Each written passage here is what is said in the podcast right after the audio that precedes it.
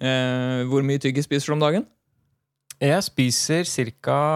Det går vel en pakke, vel, men jeg spiser den jo ikke opp, da. Det ikke- jeg putter ikke Jeg pleier å ta Jeg, jeg, jeg tror jeg er veldig påvirka av den reklama som var på TV. uh, den fordi For å stoppe syreangrepene så skal du spise tyggis Eller tygge tyggis etter hvert måltid. Gjør du sånn som og, de gjorde i reklamen også? At du, at du tar to stykker samtidig? Det er det som er så dumt. Den reklama har jo gjort at jeg har økt forbruket mitt med 100% Ja, ikke sant? Jeg har jo dobla Jeg tygger jo Altså, én pakke tyggis er jo ti tyggiser. Men det holder bare til fem ganger. Når det egentlig kunne holdt til ti. Eh, ja, det er sant, Ja. det. Eh, Mm. Det er veldig bra reklame sånn sett. Dritbra reklame. Så jeg er jo påvirka av den, da. Ja. mm. Men eh, jeg spiser dem ikke. Det er ikke sånn at jeg putter to i munnen, og så tygger jeg til liksom, den har en grei konsistens, og så svelger jeg den. Nei, Det er ikke, det er Altså- ikke, det er ikke sånn. så du, ty ja, Eh, du spiser ikke tyggis, du tygger tyggis. Jeg tygger tyggis. Jeg tygger den til den ikke smaker noe godt lenger. Og så svelger jeg den. Nei, jeg svelger den ikke. Men du svelger den. Nei, da, så kaster jeg den. Men det står jo på, på tyggispakken at uh, den har uh, en lakserende effekt. Må du bæsje mye? uh, nei, jeg svelger den ikke, som sagt. Så Nei, nei, for du tror det er kun ved svelging at den har lakserende effekt? Det er kun ved svelging, ja. Så, sånn fungerer alt av eh, lakserende midler. Du må svelge dem. Det, det hjelper ikke bare å skylle munnen. Du kan ikke Ah. bare Ja, så du Ja. tygger, og så spytter du? Og så ja, så sp- spytter jeg. Jeg tror, ikke du, jeg tror ikke du kan ta avføringsmiddelet og så bare skylle munnen med det, og så spytte ut, og så Oi, må jeg på do. Nei, nei for, sånn- for du svelger ikke det du eh, Så når du tygger, så svelger du ikke spyttet, spyttet ditt. Du bare spytter det ut.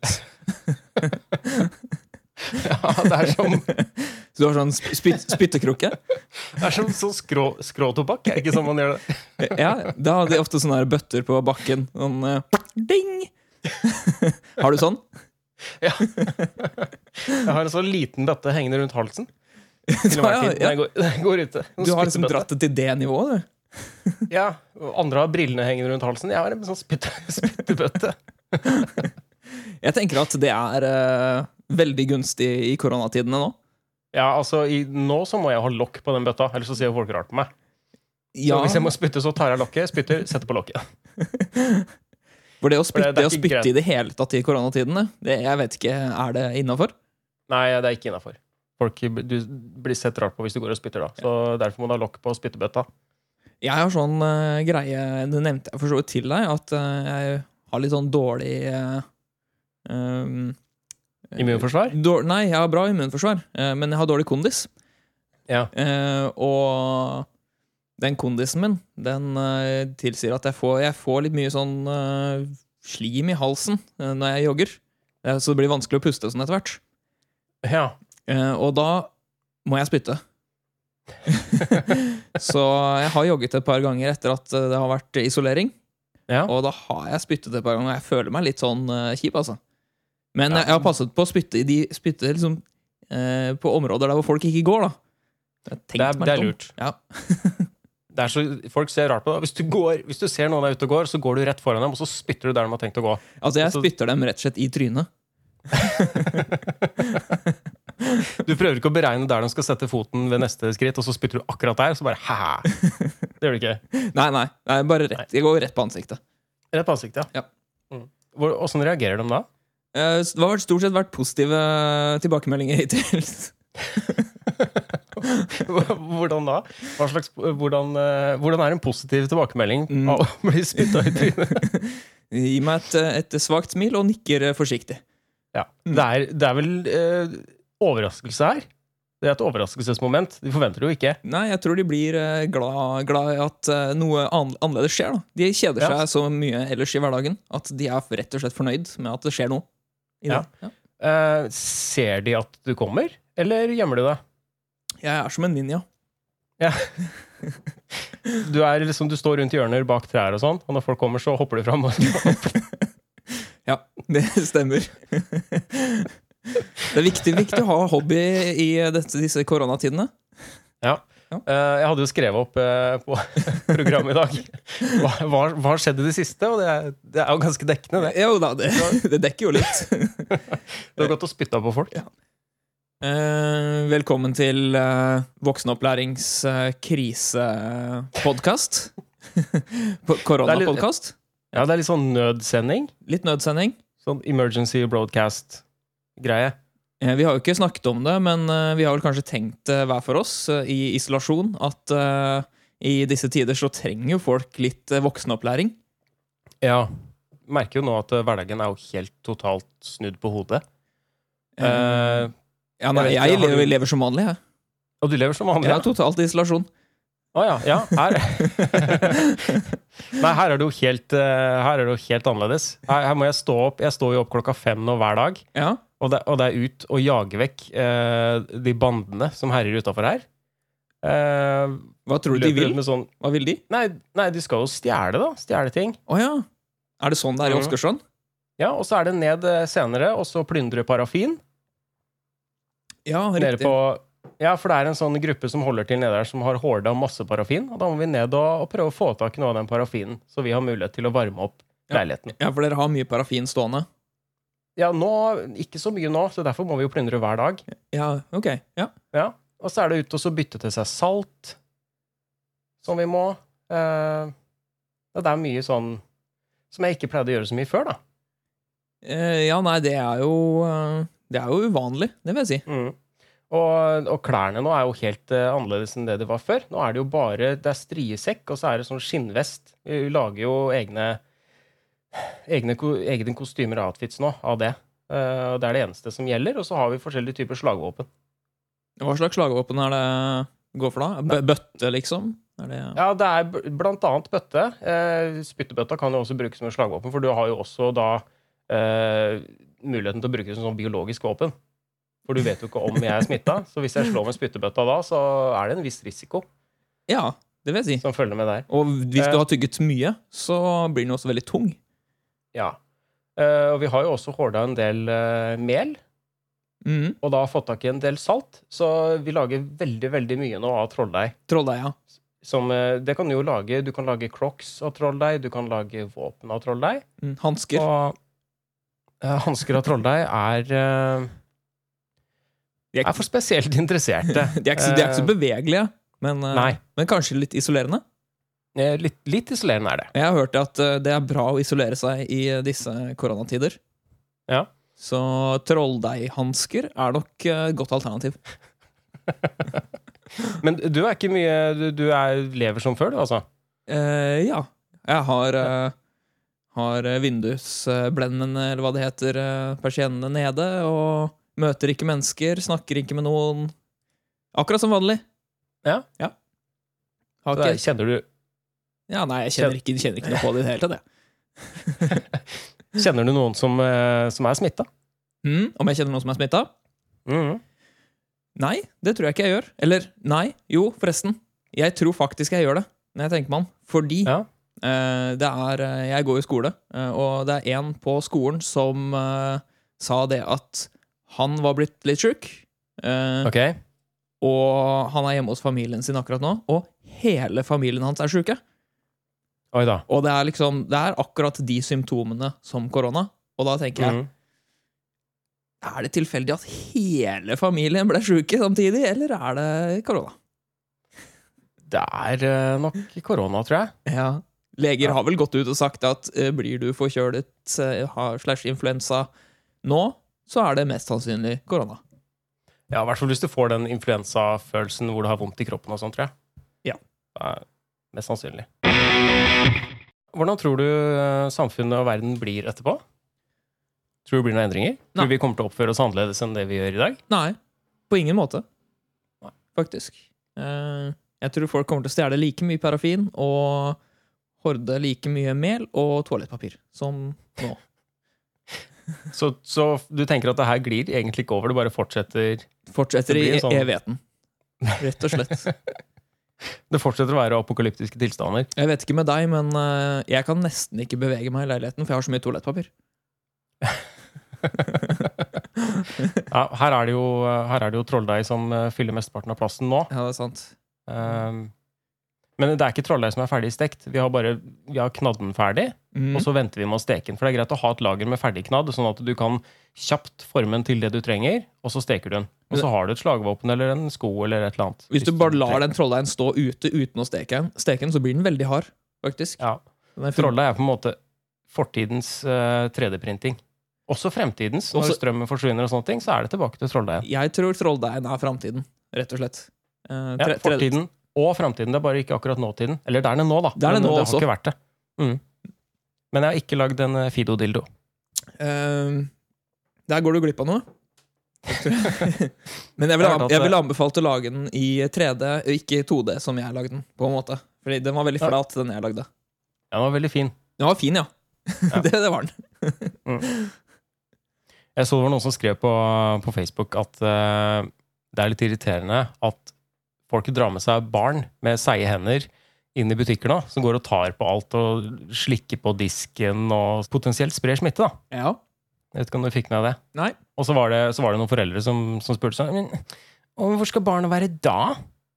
Hvis ikke det kan være med inn, i, inn, inn på Meny eller Kiwi eller et eller annet. Og forslaget mitt da er du tar et, eh, et hundebur for middels store hunder, og så kan du ha ungen din inni der, og så putter du buret i vogna når du kjører rundt i butikken. Du må passe på å legge inn en caprisonne i buret idet du går inn, for da er ungen opptatt med den. Men du må inn i butikken der hvor du kjøper hundebur. Da Da må de, slik, de slikker jo på alt der også. Så blir jo, det blir jo fullstendig smitterisiko med hundeburbutikken. Og det er sant, det tenkte jeg ikke på. Nei, ikke sant? Snek, et hundebur, da. Du må snekre, rett og slett. Lage noe trolldeig eventuelt. Et barnebur av trolldeig. Mm. Uh, jeg vet ikke om det er skal, Er det vår jobb å berolige folk, tenker du? I, sånn som situasjonen er nå, eller skal vi bare Jeg tenker vi skal gjøre de mer bekymret. Ja, altså Så vidt jeg, jeg har fått med meg, da når jeg, jeg leser veldig mye på nettet, jeg følger med på nyhetene hele tida nå, uh, og det er jo en god del av de som er i, i risikogruppa. Det er jo folk som er eldre, og folk som har underliggende sykdommer og sånn. Og de er jo selvfølgelig ekstra engstelige nå, fordi de er mye mer utsatte for den sykdommen her.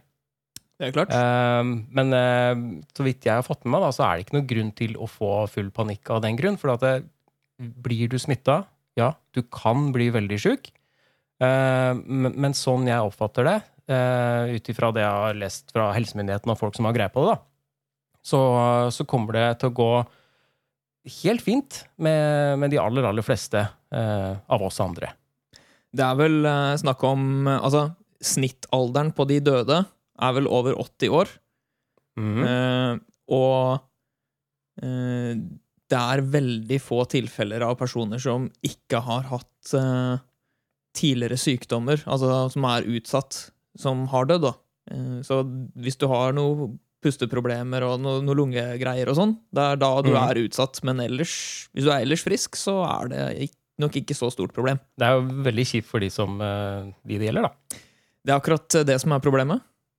Det er vel derfor vi isolerer også, sånn at vi slipper å ta knekken på alle de. Altså, vi kunne kjørt Nå hadde vi hatt en gyllen mulighet til å kjøre en veldig darwinistisk eh, stil framover. Mm. Ta knekken på alle med dårlige eh, gener. Men, eh, men det kan, de kan ha mange andre, andre positive trekk ved seg, de også. Så eh, Mm. ja. Det er ikke bare fysikken. Det er, altså, det er ikke bare det fysiske som gjelder. I dag er det den 21. mars når vi spiller inn det her, og når podkasten kommer ut, så uh, har ting sikkert trolig eskalert litt mer. Kanskje ikke nødvendigvis i Norge, men i andre land. Jeg leste at det, eller jeg hørte at i Madrid så dør det noen av koronavirus nå hvert 16. minutt. Så jeg vet ikke hvor lenge vi har snakka nå. Ja. skal vi se. Vi har snakka i 16 minutter I hvert fall jeg, opptaket mitt har vart i 16 minutter og 51 sekunder. Da har det dødd to stykker da, i løpet av den perioden her. Ja. Men i, sånn i Madrid alene, liksom? Eller i Spania? I Madrid. I Madrid, ja. Så det er Eller, eller eh, i Spania. Ja. I hvert fall i, der nede, da. Ned, nedover i landa. Det sto Litt sånn sør, sørligere I Syden. I Syden. Ja, I syden, I syden så dør folk eh, ofte nå. Er det sånn at man kan trekke en konklusjon med at uh, i Syden så er det farligere å ha korona enn i nord? Ja, det vil jeg tro. Det er jo flere folk som har dødd i Syden enn det har vært uh, her i Norge. Ja, Men det- nå, nå starta utbruddet veldig langt syd, da. Altså, Så det kan jo være litt derfor. Den, eh, Ja, det kan, det kan med- være derfor. Var det ikke i India de anbefalte kumøkk og yoga for å bekjempe koronaviruset? Jo, men eh, det vil jeg anta er en eh, eh, Altså Altså Hvis du skal tenke rent vitenskapelig på det, da, kumøkk og yoga Jeg vet ikke om det er en blanding. At man skal på en måte smøre seg i kumøkk eh, og drive med yoga samtidig. Det vil jo være en effektiv eh, repellent, for det er jo ingen andre som vil eh, trene yoga sammen med deg hvis du er innsmørt i kumøkk. Så jeg skjønner sånn at den social distancing-greia der kan fungere til en viss grad. Ja, altså den énmetersgreia blir ganske lett å opprettholde, tror Ja. jeg. Jeg har forresten en liten fun fact. Eh, det kan at du har sett du. har- Jeg, tror faktisk jeg fikk fun facten via Netflix, så det er sikkert mange som vet om den. Men Ja, det er en fun fact om eh, hvorfor kuer er hellige i uh, India. Hvorfor de ikke drepes og spises så mye. Ja. Jeg vet ikke om de spises i det hele tatt, men uh, det som er greia, er er at uh, det er ikke det at de i religionen deres har en veldig hellig ku. Det er mer det at de bruker kumøkk til å fyre med. ja det, det visste jeg faktisk. Du gjorde det. Ja. Og det er også noe som har lag, gjort sånn at de har den maten de har. For den, de har jo veldig mye sånn gryteretter sånn lange, som har brukt lang tid på å lage. Og Ja. årsaken til det er fordi at de har måttet bruke kumøkk til å fyre med. Og det er ikke så Ja. varmt, så de kan ikke steke sånn med, med høy varme. Så de har Ja, for det blir sånn ulmende, ulmende glør, på en måte. rett og slett litt sånn ulmende varme, så da har de Mm. laget sånn langtidskokte gryteting. Ja, Fungerer nok også veldig fint som eh, røkelse. Eh, Røkelse ja. er også sånn som ulmer ofte hvis du kjøper sånne pinner. vet du. Hvis definisjonen på røkelse er at det skal lukte og ulme, så tror jeg Ja, det vel det. Ja, så tror jeg det funker veldig bra. Ja. Men uh, det er ikke den mest ettertraktede lukten, tror jeg. Jeg så en fin liten video uh, på YouTube uh, av en sånn skap skaperkanal som jeg liker. Og da var de ute og de snakka litt med noen folk som var ute og sånn. Ja. Og da kom de borti en fyr. Han var sikkert sånn 24, så veldig oppegående ut, for så vidt. Eh, Så åpna han kjeften. De spurte han hva hans holdninger til eh, dette viruset, og sa han at eh, nei, jeg er ikke bekymra, jeg er frisk og rask, så jeg driter egentlig i det. Jeg kommer jo ikke til å bli påvirket noe særlig. Ja, det er Så Flott holdning. Ja. Jeg tror ikke han helt hadde skjønt, skjønt sammen. Jeg ble litt sur, faktisk. Jeg ble litt provosert. Ja? Forbanna? Mm, det skal mye til før jeg blir forbanna. Jeg, jeg har ikke så mye sinne i meg, dessverre. Det er jo eh, hytteforbud nå. Åssen takler du det? Eh, jeg eh, har jo såpass liten leilighet at eh, det kan nesten betraktes som en hytte. Så jeg, jeg er på hytte hele tida. Men nå er jo det i hjemkommunen din, så sånn sett er du jo trygg. Det er sant. Jeg har jo faktisk altså Familien har jo et par hytter. Men jeg har ikke noe spesielt behov for å dra på de hyttene nå. Det er sommerhytter. Et par, Det er flere hytter, altså. Har, vi har én hytte på hver side av familien. Ah, ja. Ja. Mm. Men det Er det én yacht tilknytta hver hytte, da? Eller er det, er det en felles yacht? Som man på en måte Nei da, vi har eh, én yacht, eh, en yacht til hver, som vi kjører eh, en liten minibåt inn i. Som, ja. Ja, Mm. ok. Nei, dette er hytter som er delt på hele familien, så ikke spesielt luksustilstander, men koselig. Mm. Det er ganske mye som har skjedd siden sist vi eh, lagde en episode. Ja, Det, har vært, det har vært jul. det har vært jul. Eh, Australia har brent ned. Ja, det er ikke noe, Brent- mer av, brent det er bort. ikke noe igjen av Australia? Nei, det er vel ikke mye igjen nå. Nei. Eh, var det ikke rundt halvannen milliard dyr som var brent opp der? Eh, det var mye. Ja, av Over 1 milliard, over 1,2 i hvert fall. Mm. Av koalaer og kenguruer og litt sånn forskjellig. Gladnyhet? Ja. Nei, altså, det, var, var det en gladnyhet? Å, nei. Nei. nei, eh, det er jo ikke en gladnyhet sånn sett.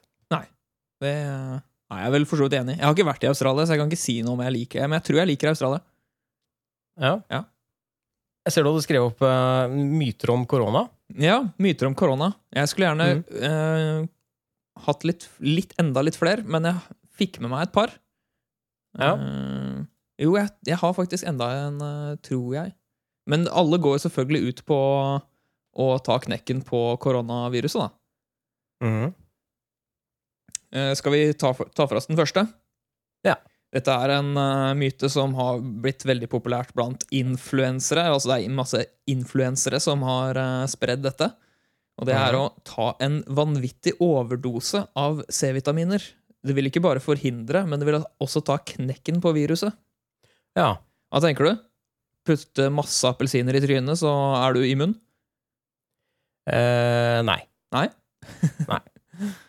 Det, men det gjelder jo alt av vitaminer du putter i deg. Eh, dytter du i deg mer enn det kroppen din trenger, så kommer det jo bare ut igjen. Eh, ja, det stemmer, det. Du får jo ikke noe du, du får ikke noe sånn helsemessig utbytte av det. Nei. Jeg, altså, det er jo eh, De har jo funnet en eh, sammenheng med at dersom du tar C-vitaminer, så vil det dempe effekten av en forkjølelse, f.eks. Altså, det vil mildne uh, utfallet av forkjølelsen din. Jeg lurer på om det er tilfellet her også. At du vil få mindre uh, Mindre effekt av korona, holdt jeg på å si. Om, eh, Ja, men, ja, men har de det? Eh, Det er ikke Jeg tror ikke det er konklusivt eh, bevis på det, men det, de har funnet eh, en viss sammenheng. Hmm. Jeg har ikke lest nok til å vite nok om det, og det tror jeg ikke jeg kommer til å gjøre heller. Nei, jeg kjenner jeg er skeptisk. Mm. Altså, Greit at eh, man skal ha en eh, viss mengde vitaminer for å, ha, for å opprettholde immunforsvaret, antar jeg. Mm. Men eh, at, eh, at det hjelper å ta mer enn vanlig, det tror jeg ikke noe på. Men hvis du tar alt av vitaminer som du trenger, du har behov for, eh, for å få eh, det beste immunforsvaret du kan få, vil det Ja. da eh, mildne muligheten for å få koronavirus? Jeg tror ikke det. Jeg tror du får det uansett, men kanskje, det, men kanskje du får et mildere sykdomsforløp? Jeg Kan det være en greie? I, altså, jeg har hørt at, du, at det er veldig stor forskjell på, på hva man får av Hva er det man kaller det? Utfallende effektene av sykdommen. Altså, det er eh, symptomene, er det kanskje. Symptomene heter Ja. det. Mm. Eh, det er veldig forskjell på symptomene man får av eh, koronaviruset. Noen får det veldig Mm. mildt, og andre får det, blir ganske hardt rammet. Eh, jeg personlig tror jo at eh, hvis du har det beste immunforsvaret du kan ha, så er det litt mindre mulighet for at du pådrar deg korona. Men problemet er vel at det har såpass høy smittegrad at eh, de fleste blir smitta uansett. Men det jeg tenker da, eh, hvis du kjøper eh, Si du kjøper 10 kilo, nei, kanskje for lite, det. 15-20 kilo appelsiner, da. så må du jo bruke en del tid. Du skal skrelle dem, eventuelt så skal du eh, Du sier det er tre trening i det også, liksom? Ja. Nei, ikke, ikke nødvendigvis det, men altså, du kan kanskje presse dem, altså dele dem i to, presse dem for å lage uh, appelsinjuice uh, for å få i deg Ikke sant? Mhm.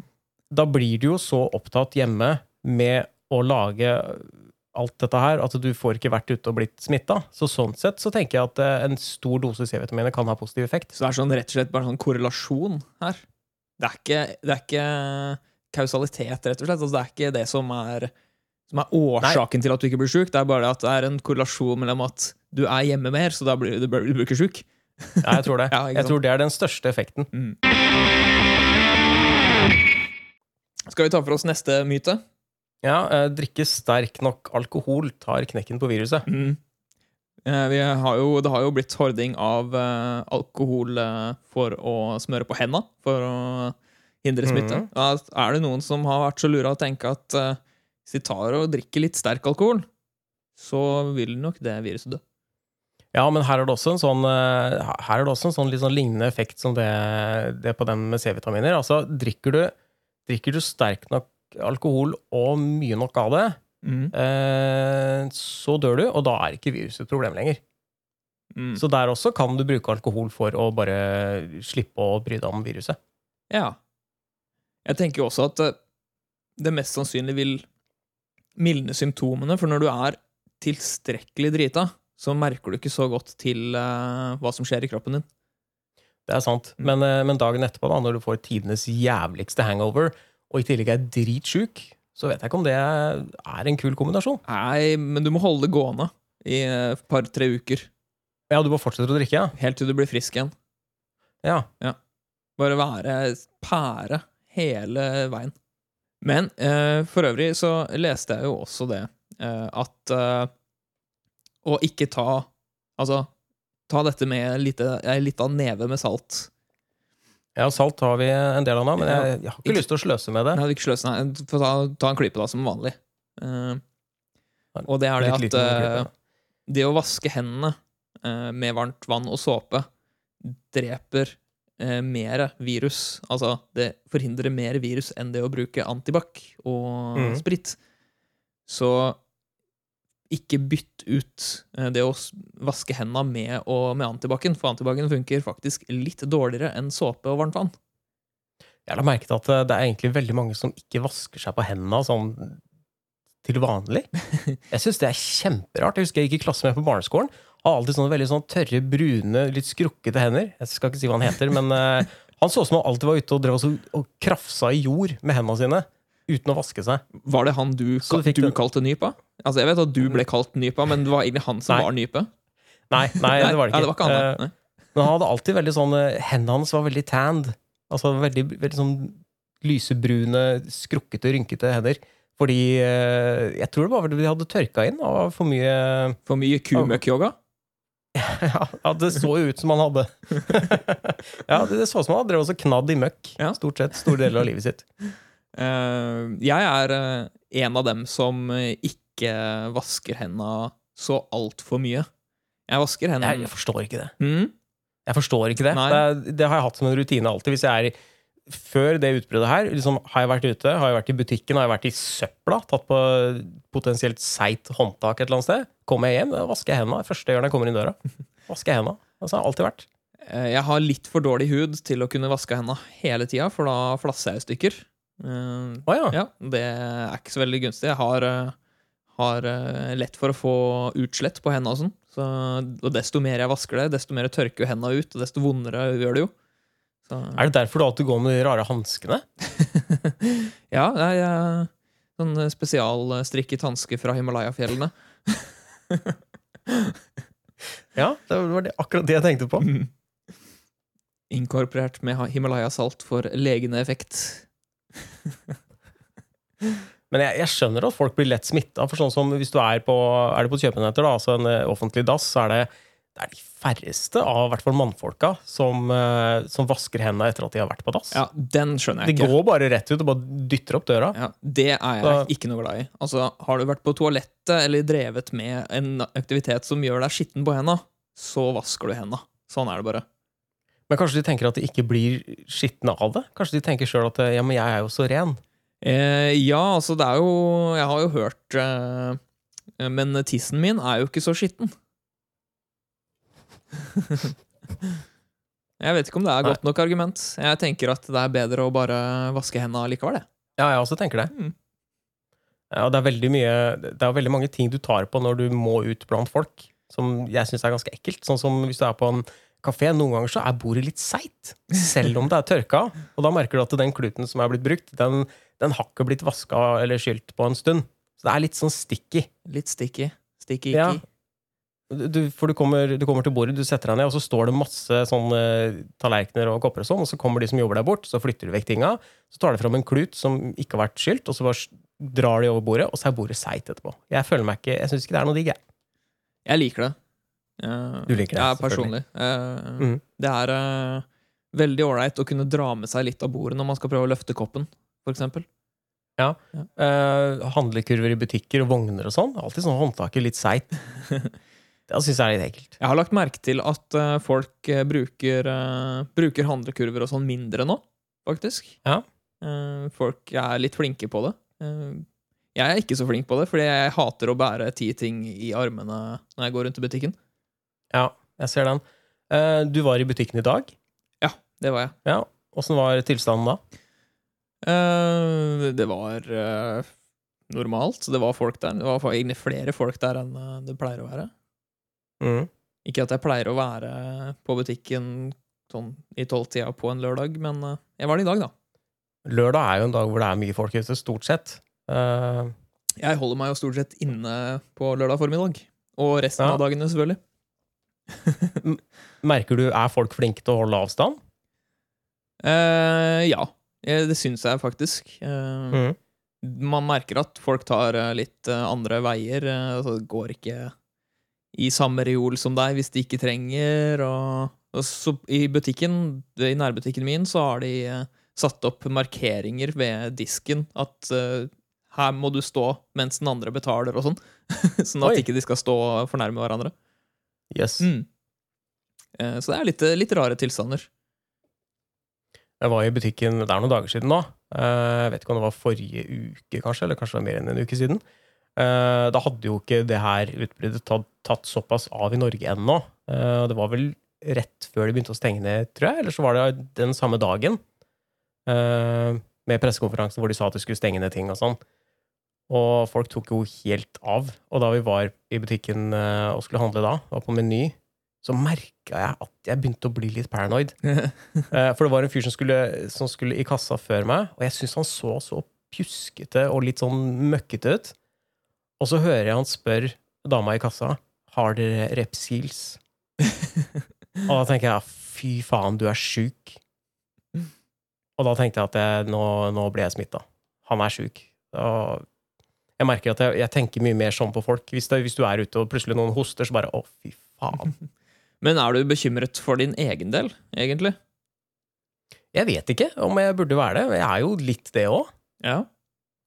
Fordi eh, Altså, det, er jo, det her er jo et helt nytt virus, så det er ingen som vet hvordan eh, immunforsvaret takler det. Nei, eh, jeg hørte fra min lege mm, at eh, i min aldersgruppe, som er da 31, så er det rundt to-tre stykker eller noe av 4000 som er registrert. Ja. Det er ve veldig, veldig få. eh, og av Som, de som er registrert. Ja, som er registrert, da, vil jeg merke. Men av de så var det ingen som på en måte var helt friske i utgangspunktet. Tenker du på dødsfall nå? Ja, dødsfallet. Ja, nei, altså det er helt klart at det er flere eh, Flere som er døde enn det som er registrert. Det vil jeg anta. Men, Mm. men det at det er en så vanvittig Altså det er snakk om promille, og av, de, av denne promillen så er det ingen som var friske i utgangspunktet. Og da, Nei, og da begynner det å bli litt sånn Det er nok ikke så farlig for meg. Så jeg er ikke så bekymret for meg. Men eh, det er jo selvfølgelig et eh, problem hvis man blir smittet. Fordi eh, Mm. da må man jo isolere seg eh, fullstendig. Da kan man ikke gå ut på noen som helst måte. Nei. Eh, fordi man må jo passe på de som er litt eh, syke fra før, og er litt eldre. Men det er jo mange av de som også bare gir faen. Eh, jeg, jeg, jeg vet ikke om jeg vil klassifisere så som mange, men det er nok eh, noen av dem. Mm, Jeg har sett dem i kommentarfeltene. ja. De skriker de jo høyt av de skriver- kommentarfeltene. Ja, og skriver ting som at ingen skal fortelle meg at ikke jeg skal dra på hytta. Det er min hytte. Jeg har ikke helt skjønt greia med at du ikke får lov til å dra på hytta. Det skal Nei, jeg ærlig å- innrømme. Det er for at de potensielt belaster helsevesenet i den kommunen, da. Riktig. Som fra før ikke er eh, stort nok til å takle eh, en økt befolkning sånn helt plutselig. Mm. Men hvis du er på hytta di, eh, og hytta er eh, en relativt isolert hytte, som de fleste hytter er, Ja. og du ikke er syk, og ikke familien din er syk, da er det jo mindre, potens mindre fare for å bli smittet. Ja, men det er så mange variabler her. fordi at det, når du skal dra til den hytta, så trenger du forsyninger. ikke sant? Du må jo ha med deg noe dit. Og da kanskje du stopper innom en bensinstasjon eller innom en butikk eller et eller annet på veien, og da kan det hende at du enten faktisk er smittebærer og smitter noen, eller at du tar med deg smitte til hytta. Mm. Det er jo Så det er et problem. Det er ikke noen tvil om det.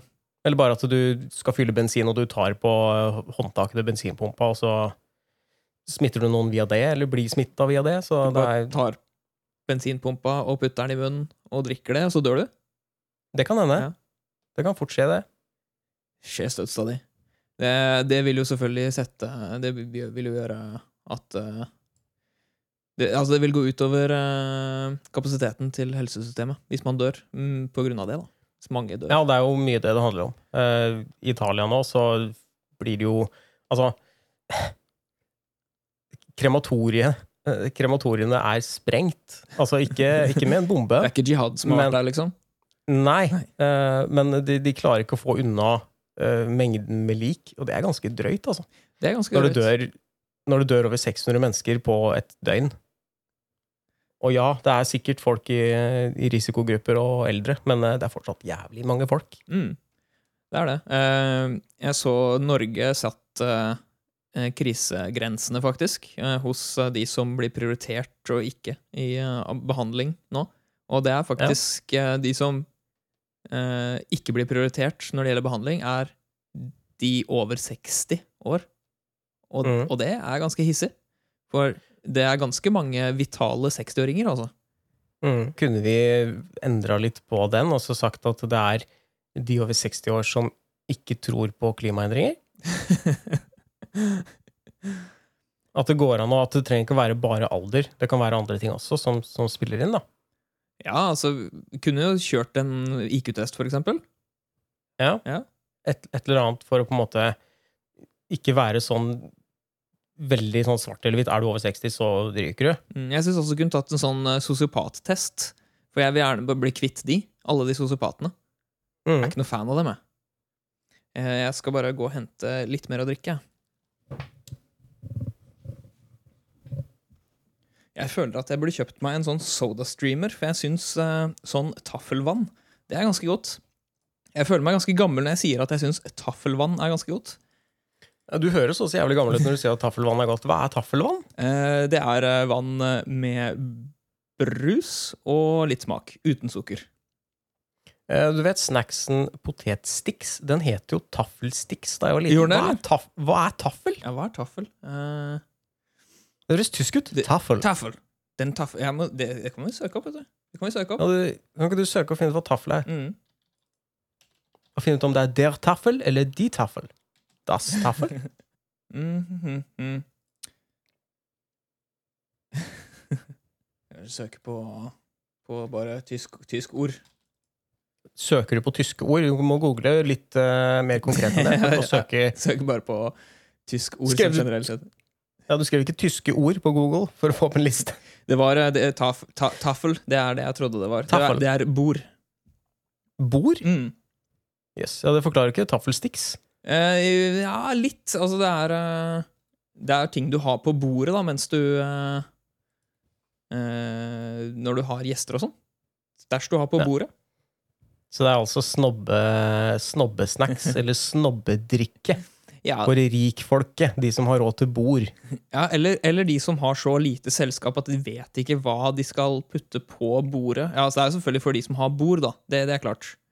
Mm. Uh, så du må ha bord. Uh, men eh, de, de vet ikke hva de skal putte på bordet, så da kjøper de bare ting som det står bord på. Ok, Mm. Som det da står taffel på? Ja, taffel. Altså, du bare, ja. For dette, kan, dette kan jeg sette på bordet når jeg skal ha selskap. Mm. Eh, skal vi ta noen spørsmål vi har fått, eller? Ja, vi kunne jo tatt uh, de to resterende mytene om korona, hvis du uh, bare, La oss ta de to resterende mytene. vi, vi, bare, vi bare tar de to uh, resterende mytene om korona, vi. mm, vi har kanskje dekket det. Dødeligheten er jo veldig lav. Altså, dermed er den ikke farlig. Ja, dødeligheten er jo veldig lav. Den er lavere enn eh, enn, eh, SARS-utbruddet vi hadde tidligere. Ja. Eh, Dette er vel også en SARS-variant, etter hva jeg har forstått. Men eh, ja, det er et RNA-virus og ikke et DNA-virus. mm, Riktig. Det har jeg hørt om på naturfagen på videregående. Kanskje ungdomsskolen. Jeg husker ikke akkurat detaljene, men det er, det er litt scary shit. Eh, problemet er jo ikke det at eh, dødeligheten eh, er lavere enn tidligere såkalte pandemier. Det er jo det at den er veldig smittsom. Den er vanvittig smittsom. Og de har vel så vidt forsket på holdbarheten til viruset. Og det En vanlig forkjølelsesvirus holder seg i lufta cirka, holder seg levende i lufta ca. én time. Mm. Dette holder seg levende i lufta tre timer. Um, og på, i visse overflater, som eh, papp og lignende, og sånn, så holder det seg levende i tre døgn. Det er ganske lenge. Det er ganske lenge, altså. Det er jo så lenge at uh, den pakken som du bestiller fra eh, pakkelageret, kan være mm. smittet fra lageret, og da påføre deg smitte når du tar den imot. Faen, jeg har en eske med, med, katte, med, sånn- med en pose, sekk, altså en sekk med kattesand, Mhm. som eh, ligger nede på Joker, som jeg skulle vært og henta. Burde jeg da drøye eh, til mandag med å hente den? Det, I tilfelle han eh, Post Nord-mannen har vært smitta og levert inn den der, så venter jeg til det vil eh, hjelpe, ja. Uh, Ja. Og det går jo også an å desinfisere pakkene man får. Eventuelt bruke Ja. hansker når man åpner dem, eller lignende. Altså, sjansen for det er jo veldig liten, men eh, hvis man er eh, veldig påpasselig, så kan man jo gjøre det. Sto det noe om hvor lenge viruset lever på trolldeig? Eh, nei, det tror jeg faktisk ikke det gjorde. Eh, Nei, for det er mye salt. Det er mye Jeg salt. det har noe, er, det, er det enda en myte? Er det mye salt, så dør viruset? Mm. Ja, det, det kan godt hende at det er en myte. Jeg vet ikke. Nei, Jeg har ikke satt meg inn i det. Jeg vet at salt er stort sett kjipt for det meste som lever. det har jeg også fått med meg. Men så er det det, da lever et virus. Ja, Nei, det gjør det. det gjør det. Det er en eh, Ja. levende organisme. Er det ikke? Nei, er det ikke sånn at ja, det, tror det spør, spørs hvordan du definerer liv. For det her er jo noe som er avhengig av celler og så videre. Er det ikke det? Det er jo ikke som en, det ikke som en bakterie. Skal vi Vi kan godt søke det opp. Ja, vi kan søke det opp. Ja, Er virus levende? Det er Spennende. Nå, nå graver vi dypt her. I vitenskapens dypt, og- verden. Er virus? Har, du- søker du det opp samtidig, eller skal jeg søke det opp? Nei, altså, jeg så ser at du er godt i gang, ja, så Ja da, jeg skriver med én finger nå på Det er veldig klønete oppsett her, altså, i dag. Hvordan er det vi tar opp i dag? Eh, vi tar opp hver for oss, da. Vi er jo i isolasjon, vi- så vi sitter jo ikke ved Ja. siden av hverandre. Nei, vi er ikke det. Så det, det kan godt hende at det blir litt dårligere lyd og litt mer sånn klønete Litt sånn dunking og skraping og ting på lyden, fordi jeg må drive og flytte mikrofoner rundt og sånn. Det blir ikke, samme, det blir ikke sånn som vi pleier. Vi er ikke i det proffe studioet som vi pleier, pleier å være, sier du. Nei. Skal vi se, jeg fant uh, forskning.no. Hva er virus? Uh, Den hørtes uh, veldig generell ut. Ja, det var veldig generelt. Eh, skal vi se Eh, De fleste forskere vil ikke karakterisere et virus som levende, altså i motsetning til deg, da. Ja, for jeg er jo Eh, forsker. Du, ja, og du karakteriserer det som levende. Det gjør jeg. Eh, fordi det ikke er en organisme som kan leve et uavhengig liv. Et virus får ikke formert seg uten en levende celle. Og når det Ah, først har kommet i gang, virker det ganske levende, selv om det ikke klarer seg selv. Skjønner. Så det er definisjonen, altså. Ja. Et virus har en del grunnleggende informasjon som ligger i gener laget av DNA eller RNA. Mm. Den viktigste delen av viruset er denne lille bunten med genetisk materiale. Så det er på en måte ikke levende sånn sett. Men altså, jeg skal ikke, jeg skal ikke kverulere på forskerne. Det, det gidder jeg ikke. Men eh, Nei, det er mange som gjør det. ja, det. er mange som gjør. Eh, Jeg mm. kjenner at jeg holder meg litt for god for det. eh, Ja. Inntil videre. Jeg tenker jeg skal vente til jeg blir sånn over eh, 60, kanskje 55. Mm. Så da skal jeg begynne å kverulere med forskning. Eh, Siste, siste myte. Mm. Oljebransjen står bak viruset for å ta oppmerksomheten vekk fra klimaendringer. ja, eh, det mener jeg at jeg så noen rykter om inne på um, Altså, det ble posta noen screenshots fra den uh, folkeopprøret mot klimahysterigruppa. Så det er litt tinnfoliehatt-folk der inne også. Ja, altså, ja, i, den er det jo bare tinnfoliehatt-folk i. For det var, dette var klima... eh, Dette var folkeopprøret mot klimaendringer, ikke folkeopprøret Eh. mot folkeopprøret mot klimaendringer. Ja, eh, altså, det, det, var den, den var den første gruppa. Det var den første gruppa med idioter. Men hvorfor mener de det? Altså, det syns jeg er rart. At de mener at oljebransjen står bak noe sånt. For de er jo veldig for oljebransjen, er de ikke? Uh, nei, ja, jo, men altså for, for at ikke det skal være fokus på, på klimaendringene. Riktig. Fordi de hater jo klimaendringer. Mm. Eller altså, de hater, de hater at det er så fokus på det, for de tror ikke på klimaendringer. Så for å ta oppmerksomheten vekk fra det, så har oljebransjen nå satt i gang eh, et virus og begynt å spre det i befolkningen, så da kan, da kan alle fokusere på det isteden. Ja. Men, kan, eh, men de er jo veldig, de er jo generelt sett veldig glad i oljebransjen, disse folkene, som ikke tror på klimaendringer. Ja, så, så jeg tror det på en måte var positivt. En, en positiv konspirasjon, på en måte. De, de, de, de sverter, jo, sverter jo det de liker. Nei, det er ikke, det er ikke sverting. Det her er bare bra, det. Det er kjempefint at, eh, at, de har, at de har funnet opp det viruset her. Ja, nei, jeg, eh, jeg står helt og holdent bak det. Myte eller ikke myte? Oi, der var det kort, kortscam igjen. jeg, må, jeg må bare få opp en eh, Skal vi se, få opp den andre siden min. Vi, vi ser på hverandre via video siden vi sitter i isolasjon, og Hans Petter er veldig glad i å vise meg skrittet sitt. Ja, men jeg er jo jeg er i hvert fall påkledd nå, da. Ja, nå, ja. Etter jeg ba deg om å kle på deg, ja. Nei, jeg tenkte i motsetning til når vi sitter i samme rom, for vi pleier ikke å være påkledd da. Nei, sant. sant. Eh, ba Men, eh, tror du det hadde vært eh, en ting? Kanskje gått litt På badstue Ja, altså, på kjørt, jeg kjørte kjørt en, kjørt en podkast i en badstue. Og, og badstue? Jeg trodde du mente på Bastøfosen, at vi tok, eh, at vi tok ferga. Ja, nei, ferjepodkast kan også være en greie. Ferje, Ja, jeg, ja. Nå er det ikke så veldig mange i eh, salongen der nå, tror jeg, fordi folk får lov til å sitte i bilen ved overfart. Vi kan vente til eh, denne krisen er over. Det kan vi. Vi kan, men vi må ikke. Vi kan. Ja, ja, sant. Jeg har prøvd å Mm. holde meg unna kollektivtransport, sånn generelt sett. Det har jeg òg. Jeg husker ikke når jeg tok buss sist. Jeg husker når jeg tok buss sist, og det var uh, onsdagen før, før det ble isolasjon. Ja.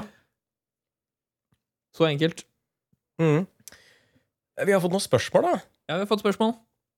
Ja, eh, Kan du bare ta det første først? Eh, fra Bjørnar. Eh, han, Hei, Bjørnar. For, ja, hei, Bjørnar. Han, han la egentlig bare inn en gif, eller gif, for de som eh, kaller det det.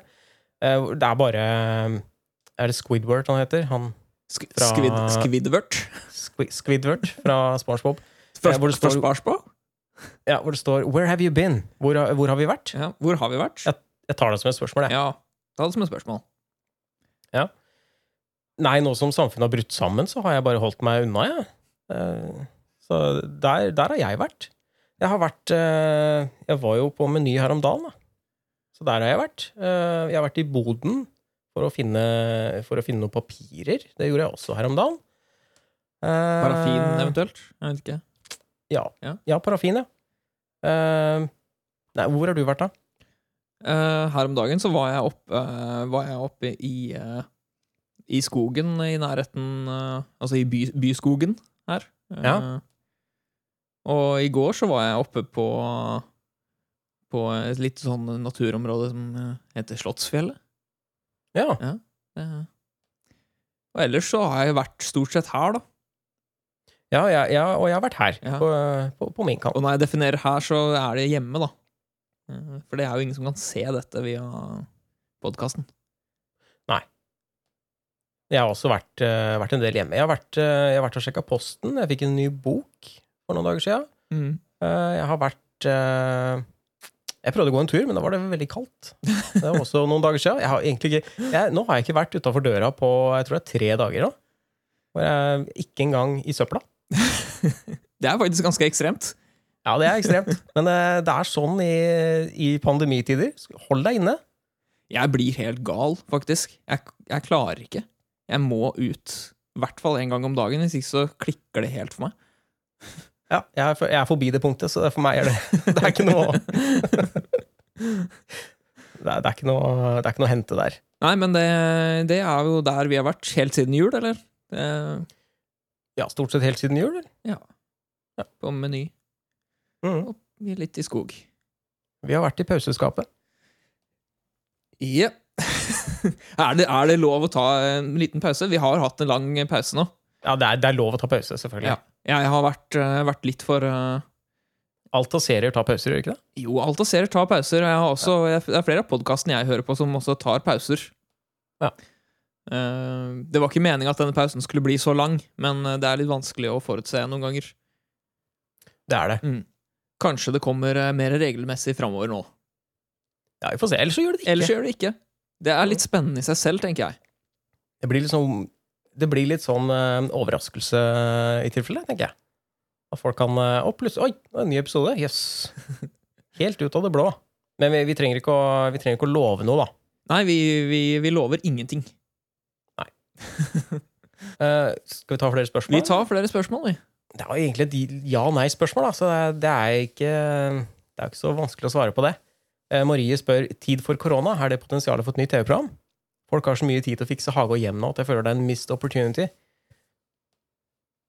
Ehm, um, ja.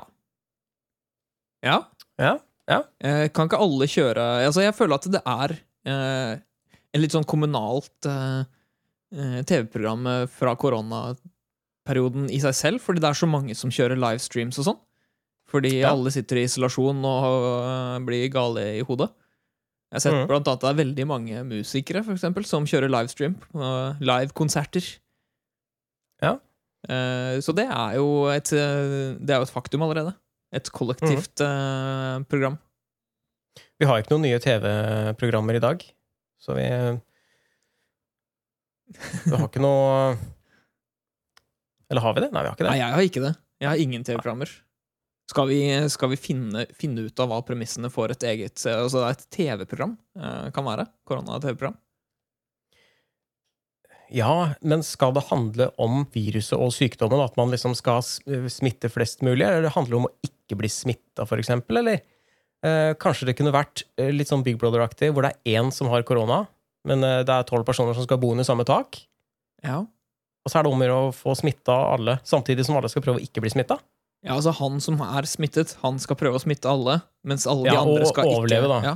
ja, og de andre skal Mm. ikke bli smittet. Ja. Så hvis han får smittet alle, så vinner han. Da vinner han Ja. en million. Og de andre som ikke blir smittet, eh, de må dele på den millionen. det, er jo, det er jo greit konsept. Ja, et veldig dårlig konsept. Ja, og litt dårlig konsept. Litt svakt. Mm. Jeg tenker litt sånn uh, såpeserie, kanskje. Litt sånn Syv søstre. Det er kanskje ikke så mange som husker Syv søstre. Uh, Jeg husker det. ja. Ta Hotell Cæsar i stedet, da. Uh, Ja. Litt samme, samme konsept som Big Brother, kanskje. At det er en Et koronahotell? Ja, koronahotell. Det er en, Mm. en som ligger i isolat på et av rommene på hotellet. Det er skummelt. Det er veldig skummelt. Og det går, Ja, det det går mange myter om eh, hva denne pasienten er. er dette, hva, er dette skumle greiene? Det er ingen mm. som får lov til å gå inn der, så dette er veldig mystisk. Kunne det vært en, eh, en slags korona-julekalender? Ja, hva tenker du da? Nei, at det er, eh, det er jo 24 episoder da, hvor du følger en person som, eh, som er sjuk i første episode, og så Om han dør eller ikke i siste? Se, se, se hvor, hvor langt han klarer seg av de 24 dagene. Ja. Er det greit? Ja, Det er vel innafor. Ta, liksom, ta en fra risikogruppa òg, da. Sånn at det blir litt ekstra spennende. Det er, det er litt artig vi sitter og kødder om det her, og så vet vi ikke om vi kan være daue begge to om en måned. Så det, det er ikke godt å si. Så godt å vi, si. vi, burde være, vi burde ikke være for kjepphøye når det gjelder det her. Altså. Nei, altså Kan være litt kjepphøy. Eh, hvordan går det med vaktmesteren nå, egentlig? Mm. Har du hørt noe? Han lå i jernlunge, siste jeg, eh, siste jeg fikk melding om. Eh, ja, han, vel, han var vel pasient X, så vidt jeg vet. Altså den første pasienten som ble rammet.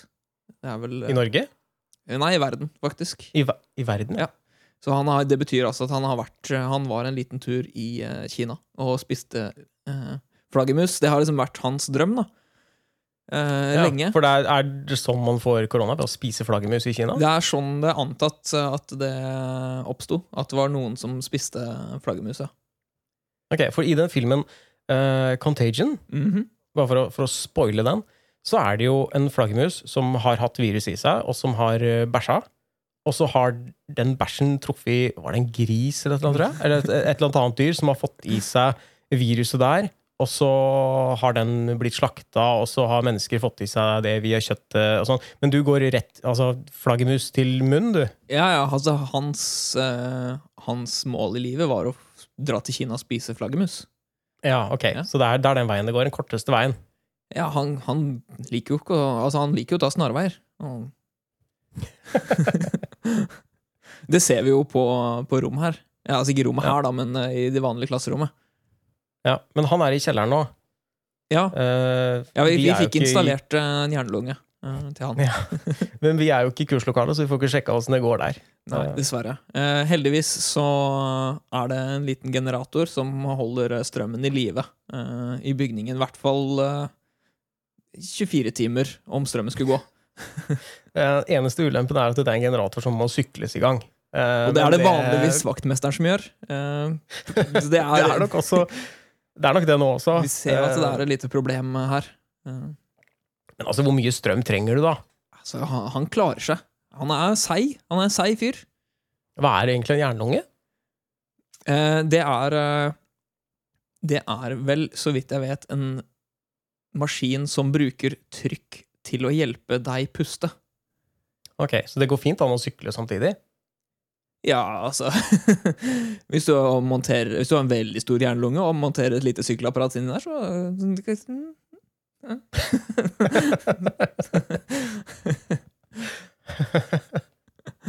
ja. Jeg, lik, jeg, lik, jeg liker ordet jernlunge. Eh, Jeg syns det høres kult ut. Ja, Mm. for det er, ikke en, det er ikke en lunge. De har ikke, altså, det, er en, et, det er ikke organet som er forstørra, gjort kjempestort, og det ser akkurat ut som en lunge, og så er det noen inni der. Det er det ikke. Nei, og det, jeg tror heller ikke det er liksom en lunge som noen har laget av jern og puttet inn Nei, i en kropp. Nei, det er ikke det, eller? Nei, Nei. jeg tror ikke det, skjønner du. Nei. Det er fint å få det, det avklart. Det er absolutt greit for avklart for alle, tenker jeg. Ja. Skal vi ta et spørsmål til? Vi tar et spørsmål til, vi. Uh, uh, uh, skal vi se Ja, Carl Wilhelm Hei, Carl Wilhelm. han skriver her at dersom koronavirus avbryter påske, varer da jul til over sommeren? Det må jo nesten Altså Ja, hvis det varer helt til påske til vanlig, eh, men påsken blir avlyst, da må det jo vare til det blir påske igjen, da. Så da må det jo vare over jul. Så da er det jul fram til og med jul og, og videre over til påsken. Jeg vil tro det, men hva skjer med andre høytider da, sånn som sankthans og, og 17. mai? Det er jo rart å ha 17. mai når det er jul. Det er det. Eh, Ja. Jeg blir også litt bekymret, fordi hvis jula varer så lenge, betyr det da at neste jul, da det egentlig skulle vært jul, feirer vi ikke jul da, for vi er jo midt inne i den andre julen? ja, eller blir det datumet du feirer på en måte ekstra, ekstra mye jul? Litt sånn som når du har, hvis du har bursdag på julaften, så må du på en måte, får du kanskje 25 flere gaver, Jeg da. har ikke noe tro på at man gjør det. Nei, du tror ikke det? Tror du det er det samme Jeg tror Jesus kun fikk de gavene eh, på julaften som han pleide å få.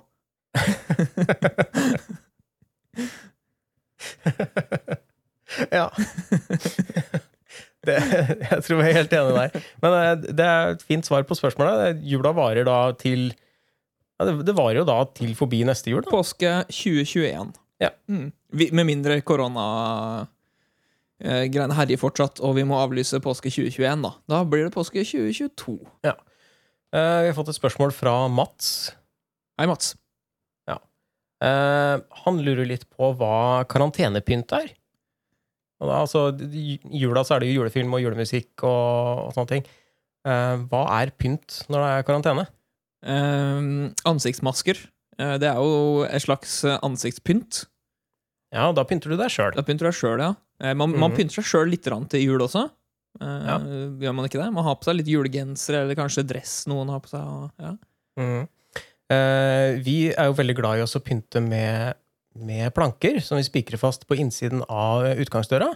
Ja. Eh, på tvers, da. I, I kryss oppe og nede, Det er fint. eh, som vi har spikra der. Eh, og teip, selvfølgelig.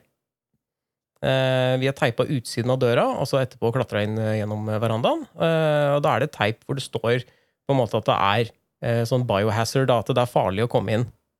Eh, Ja. Det er den pynten vi bruker ute. Og så er det plankene på innsiden av døra. Så den pynten på innsiden er jo mest, er jo mest vi som ser, da. Det er jo ingen av de ute som ser de plankene. De merker bare at de er der når de prøver å bryte seg inn. Mm. Eh, men teipen er jo flott dekorasjon til alle Det er klart. som Eh, går ute. Jeg har eh, personlig så Altså, jeg bor jo midt i byen. Eh, Ja. På bakkenivå, og ganske store vinduer ut mot eh, en vei der hvor det går ganske mange folk. Ja. Eh, så jeg har eh, rett og slett eh, hengt opp en del lapper i vinduene der hvor det står at dommedagen er nær. Den er, den er fin. Jeg syns Altså, man må jo prøve å liv, livne opp eh, hverdagen til folk. Det blir som å ha en julestjerne i vinduet. Ja, akkurat. Vi har jo også Vi har jo pynta ute ved, ved søpla. Den står jo ikke der så lenge, da, men vi har jo noen likeposer til folk vi har funnet eh, litt rundt omkring her, som har, som har kollapsa nå.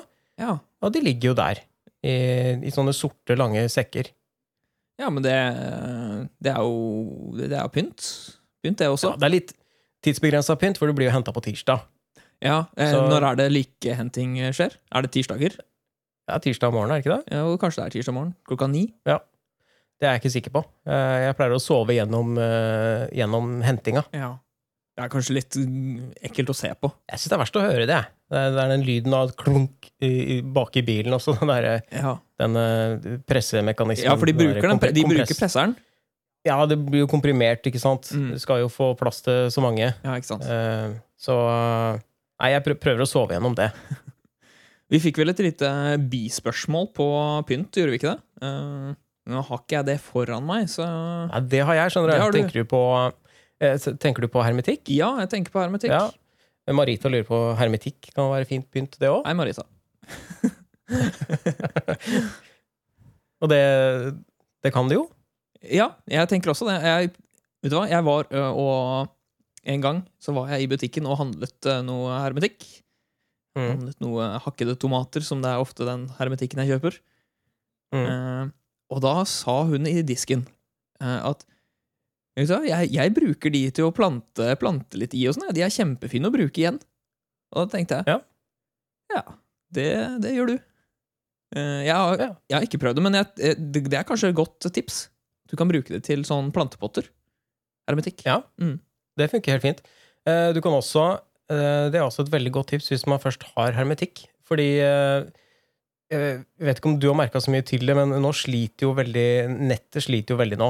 Netflix har satt ned hastigheten sin, eller kvaliteten på bildet. Samme har YouTube gjort.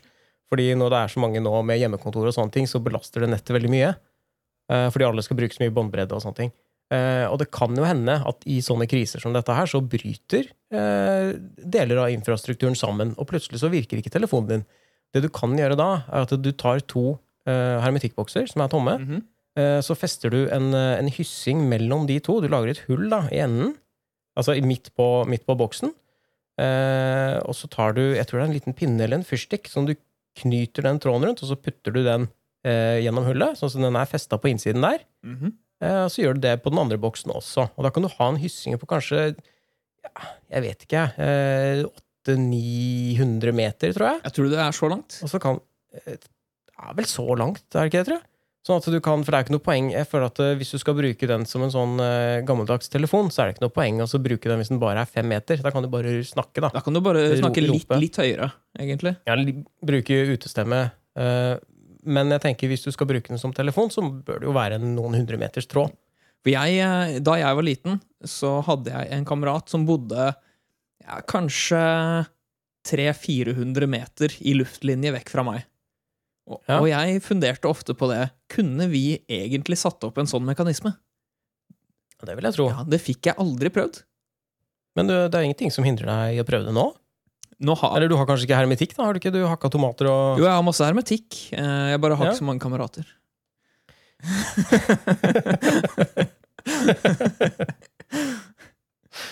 Nei. Uh, nei.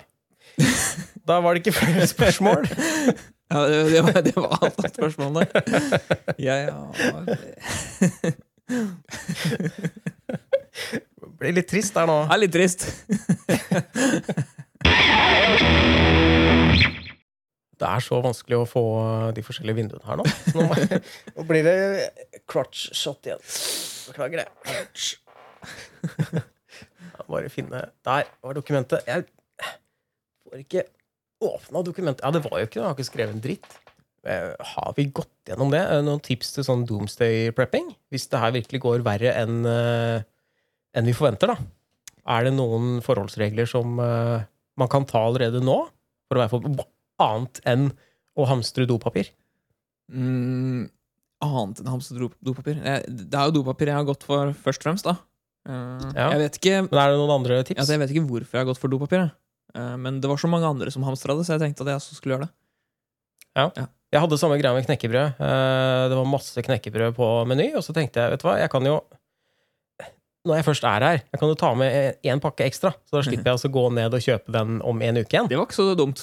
Det synes jeg var Eh, Jo, det er, ja, men jeg tror det var veldig mange som tenkte på samme måte, fordi at eh, da jeg var innom der for å kjøpe noe helt annet, da, to dager senere, så var det ingen knekkebrød. Men det å kjøpe Så- to, to pakker knekkebrød istedenfor én pakke knekkebrød, det tror jeg, Ja. det tror jeg er uh, lurt. Ja, men hvis alle tenker at jeg må kjøpe en ekstra pakke knekkebrød, så blir det jo dobbelt så mye knekkebrød solgt. Det er jo for så vidt sant. Men det er jo ikke noe eh, mangel på mat eh, hittils. Med mindre du hamstrer eh, over, langt over gjennomsnittet. Og det å handle to pakker knekkebrød, det syns jeg det er innafor. Ja. Handler du ti pakker knekkebrød, da begynner å, da begynner det å bli problematisk. Da har du knekkebrød lenge, Da da. har du knekkebrød lenge, og da må ikke du i butikken så ofte. Mm. Er, det andre, er det andre ting som er greit å ha i i sånne krisesituasjoner, tenker du? Vi har gått gjennom eh, hermetikktelefon. Ja. Øh, jeg vil si at man trenger internett og Netflix.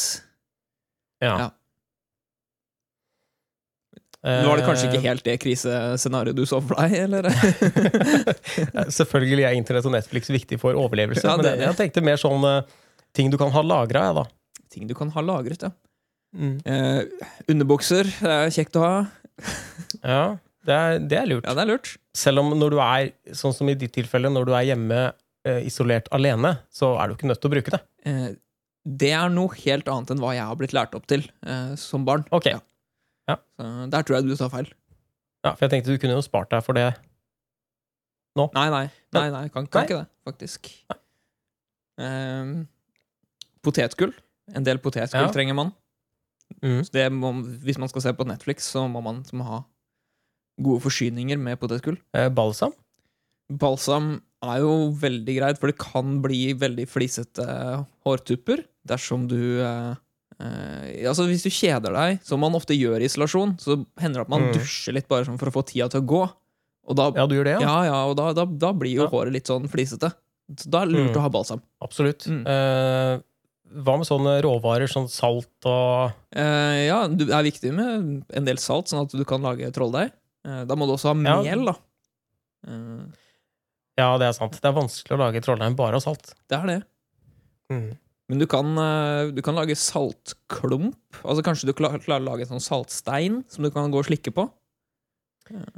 Hvordan er fremgangsmåten der? Det er jeg faktisk ikke sikker på. Når du lager saltstein. For hvis du tar, hvis du tar salt og bitte litt vann, så klumper det seg jo. Ja, Men når det tørker igjen, blir det ikke bare veldig porøst og sånn støv og dette fra hverandre med en gang da? jeg, vet ikke. Det har jeg ikke prøvd. Men jeg tenker kanskje hvis du tar eh, Jo, selvfølgelig hvis du har lim uh, istedenfor vann. Ja, ja, ja. Ta litt tar- superlim. Ja, lite grann superlim. Mm. eh, og ganske mye salt, og så bare ruller du det i henda til du har en saltklump som sitter eh, godt festa mellom begge hender. Da er den jo lett tilgjengelig å slikke på også. Så da, da har du Vil, det, vil dette også forhindre smitte? For du, du påstår jo at eh, salt eh, At viruset vil nok ikke overleve Altså Nå lever jo ikke virus, da, men eh, det, det vil jo ikke klare seg på det saltet. Så hvis du da har en svær saltklump i hendene til enhver tid, Ja, det vil jeg da er det vanskelig å bli smitta. Det, det vil nok ha en viss forebyggende effekt. Ja. Eh, så vidt jeg vet. Jeg er ingen ekspert på, på smittevern eller sykdommer. Så, Nei, riktig. riktig. så er, jeg, jeg, bare, jeg må jo bare gjette meg fram til ting. Prøve å tenke logisk og rasjonelt og hvordan ting henger sammen. Og det kan godt hende det er sånn. Ja. Men det kan også godt hende det ikke er sånn. Hva hvis du skulle tenkt ulogisk og irrasjonelt? Er det Eh, da tenker jeg at det er sånn at eh, hvis, du ikke, hvis du ikke tenker for mye på det, og fokuserer for mye på det koronagreiene her, så går det helt sikkert fint. Da kan du bare gjøre akkurat det du pleier. Du kan klemme hvem du vil, du kan dra ut på, på utestedet på byen, og du kan drikke deg full og henge med folk der, og Men du kan Dra ikke, du konserter kan ikke dra ut på konserter og på byen fordi det er stengt. kan dra ut. Må vi kunne dra ut eh, Jeg leste det var en som hadde brutt seg inn på et treningssenter for å trene eh, i Horten. Eh, Larvik, var For, det? for noen, var det Larvik? Ja, Larvik. Ok, det, ja, det var i, var i Vestfold, i hvert fall. Mm. Uh, han seg inn på treningssenter for å trene. Det, Ikke bare én gang, men tre ganger. ja, det var tre ganger, Ja, tre ganger. ja. Nei, men altså, jeg skjønner jo det. Folk blir litt gærne av ikke får trent. Ja, nei, altså Må liksom ut og pumpe jern, ikke sant? Ja, altså Man må Mm. get swall, liksom. Ja. Rett og slett. Og det er, det er ikke noe annet alternativ, da. Nei. Ja, har du, har du mange munnbind, eller? Jeg ser du bruker det ikke nå. Nei, jeg bruker ikke munnbind hjemme. Eh, Jeg, eh, jeg prøvde å lage et munnbind av trolldeig, men eh, det fungerte litt dårlig. Ja, men du må, du bruke, du må bruke dopapir i bånn, som eh, en slags ramme. Og så bare eh, brer du trolldeigen som et sånt tynt lag eh, utover dopapiret. Jeg hører at dine trolldeigsferdigheter er eh, litt over det nivået jeg er på, da. Ja, men så Du må ha en slags eh, Du må ha noe eh, du må, Ja, du, du må ha noe inni en kjerne, på en måte. Hvis, dopapir, eh, hvis kjernen er dopapir eller tørkerull, det går også an, faktisk. Jeg bare tok en klump med trolldeig, smørte det ut i ansiktet og putta huet inn i ovnen. Jeg vet ikke Ja, det fungerer selvfølgelig også, det. Ja. Jeg vet ikke om vi har noen av de vanlige spaltene våre vi kan gå gjennom. ehm, Nå er jo ikke jeg eh, Det er vanskelig. Altså, jeg har liksom ikke Jeg har heller ikke forberedt noen av de vanlige spaltene. Så, Nei. Jeg kan ta én ting da, som jeg egentlig hadde forberedt til en annen episode. ja. Og det, er, e- det her hører egentlig til spalten Hva har du lært i det siste? ja, riktig. Ja, For der tenkte jeg skulle ta på en litt artig ting som jeg har lært. Hva har du lært i det siste? Eh, det er en studie Den ble Altså, det er en, det er en litt gammel nyhet, på en måte. Men eh, det, det er sikkert nytt for mange uansett. Eh, selvsentrerte menn eier statusbiler. Ja, riktig. Ja, så det er eh, en artikkel hos E24 eh, hvor det står at ser du en BMW, Mercedes-Benz eller Audi som raser forbi deg langt over fartsgrensa, er sannsynligheten stor for at det er en selvsentrert mann som er kampvillig, umedgjørlig, usympatisk og uempatisk som sitter bak rattet. Det mener i hvert fall en forsker ved Helsingfors universitet. Ja. Eh, Disse personlighetstrekkene forklarer viljen til å eie statusprodukter, og samme personlighetstrekk forklarer også hvorfor de oftere enn andre bryter med trafikkreglene, sier professor i sosialpsykologi Jan Erik Lønnqvist ved Svenska social- og Kommunalhøgskolen ved, Hensil ved, ved Helsingborg universitetet i en pressemelding. Og det syns jeg er ganske fascinerende, for du har ofte sett sånne assholes med litt sånn kul bil, ikke sant? Mhm. Og det her bekrefter altså at eh, det er eh, ofte assholes med, med kul bil. Eh, Det står at studien er gjennomført blant eh, 1892 finske bilførere, som alle har svart på spørsmål om hvordan de kjører bil, samt spørsmål som kan si noe om personligheten deres. Forskningen er støttet av Finlands akademi. Den ble første gang publisert i Wiley Online Library i starten av desember, og er i tillegg til Lønnquist signert ja, av et par andre finske forskere. Ja. Lønnquist påpeker at penger er en forutsetning for å eie statusprodukter, og at de rike derfor oftere kjøper slike biler enn andre. Eh, Men vi, kunne, men vi kunne se at de som har en uvennlig personlighet, har en større dragning til statusbiler. Dette er personer som ofte syns de er bedre enn andre, og som vil at det skal vises utad, sier han. Altså, Det gjelder jo ikke bare biler, men det gjelder liksom ting, flashy ting i det hele tatt som du skal vise fram. Å, se hva jeg har kjøpt meg! Mhm. Se så dyr og fin den er. Eh, Det kommer også fram i studien at samvittighetsfulle personer dras til statusbiler. Eh, Dette mener forskeren kan forklares med at disse setter pris på god kvalitet. Så det er ikke bare assholes, det er også, også samvittighetsfulle mennesker. Hadde du vært steinrik, hadde du kjøpt en eh, såkalt statusbil? Eh, jeg, jeg tenker liksom både ja og nei, fordi jeg syns jeg liker veldig godt Elon Musk. Mhm. Så hadde jeg hatt penger til det, så kunne jeg godt tenkt meg en Tesla. Jeg, jeg selv kunne tenkt meg en Tesla. Eh, Ja. Jeg syns det virker som at de fungerer så bra. Og så er det litt behagelig, det med elbil. Altså, ikke bråker og Jeg liker det jeg liker det litt. Det føles litt som fremtiden. Jeg liker også fremtiden, på, på et vis. Men- Det jeg synes var veldig artig med akkurat den saken her, med selvsentrerte menn med BMW og sånne ting som er assholes i trafikken, eh, er at jeg så en annen artikkel fra I Fucking Love Science Mm. eh, en eller to uker etterpå, tror jeg. Og der har de gjort en studie i USA hvor det er mindre sannsynlig at sjåfører av dyre biler stopper for deg når du skal over veien, enn de som kjører en mer ordinær bil. Ja. Og det henger jo veldig bra sammen med den første studien. Eh, Et eksperiment utført av dr. Courtney Kaffner ved Universitetet i Nevada gikk ut på at fire voksne skulle krysse veien på steder i Las Vegas som ofte er høyt trafikkert, og som ofte brukes av skolebarn. Hver fotgjenger var kledd relativt likt og i farger som gjorde at de var lette å få øye på. Eh, De skulle da ta et skritt ut i veien idet den kommende bilen passerte et bestemt punkt i forveien, da, for å se om sjåføren stoppa eller ikke. Eh, I 72% av tilfellene gadd ikke sjåføren å stoppe, noe som gir en ganske god indikasjon på hvor mye de bryr seg om både menneskeliv og loven. Ja. Eh, og de stoppa mindre enn halvparten så ofte for hvite og kvinner enn de gjorde for sorte og menn generelt. Men eh, kamera som eh, eh, Kaffner hadde satt opp, tok kvelden i varmen i Nevada, så det ble ikke registrert mange nok til at akkurat det har noe statistisk verdi. Eh, høydepunktet i studien var uansett at for hver tusende dollar bilen var dyrere, så droppa sannsynligheten for at sjåføren stoppa for deg med 3 eh, Uten å intervjue sjåførene så var det ikke mulig å finne altså, konkrete årsaker til at det er sånn. Men teoriene teorien er da at eh, folk som kjører dyrere biler, ser på seg sjøl som at de er overlegne andre ute i trafikken. Eh, Og at de med litt kjipere biler, og altså billigere biler og har en mer sånn normal økonomi, da, ikke føler seg overlegne. eh, Og har litt lettere for å sympatisere med fotgjengere. At liksom 'Å ja, du er en sånn som meg, da stopper jeg for deg'. på en måte. Er det nærliggende å tro det at eh, personer som har eh, litt dyrere biler, har litt mer penger, eh, har litt større selvimportans enn en hvermannsen?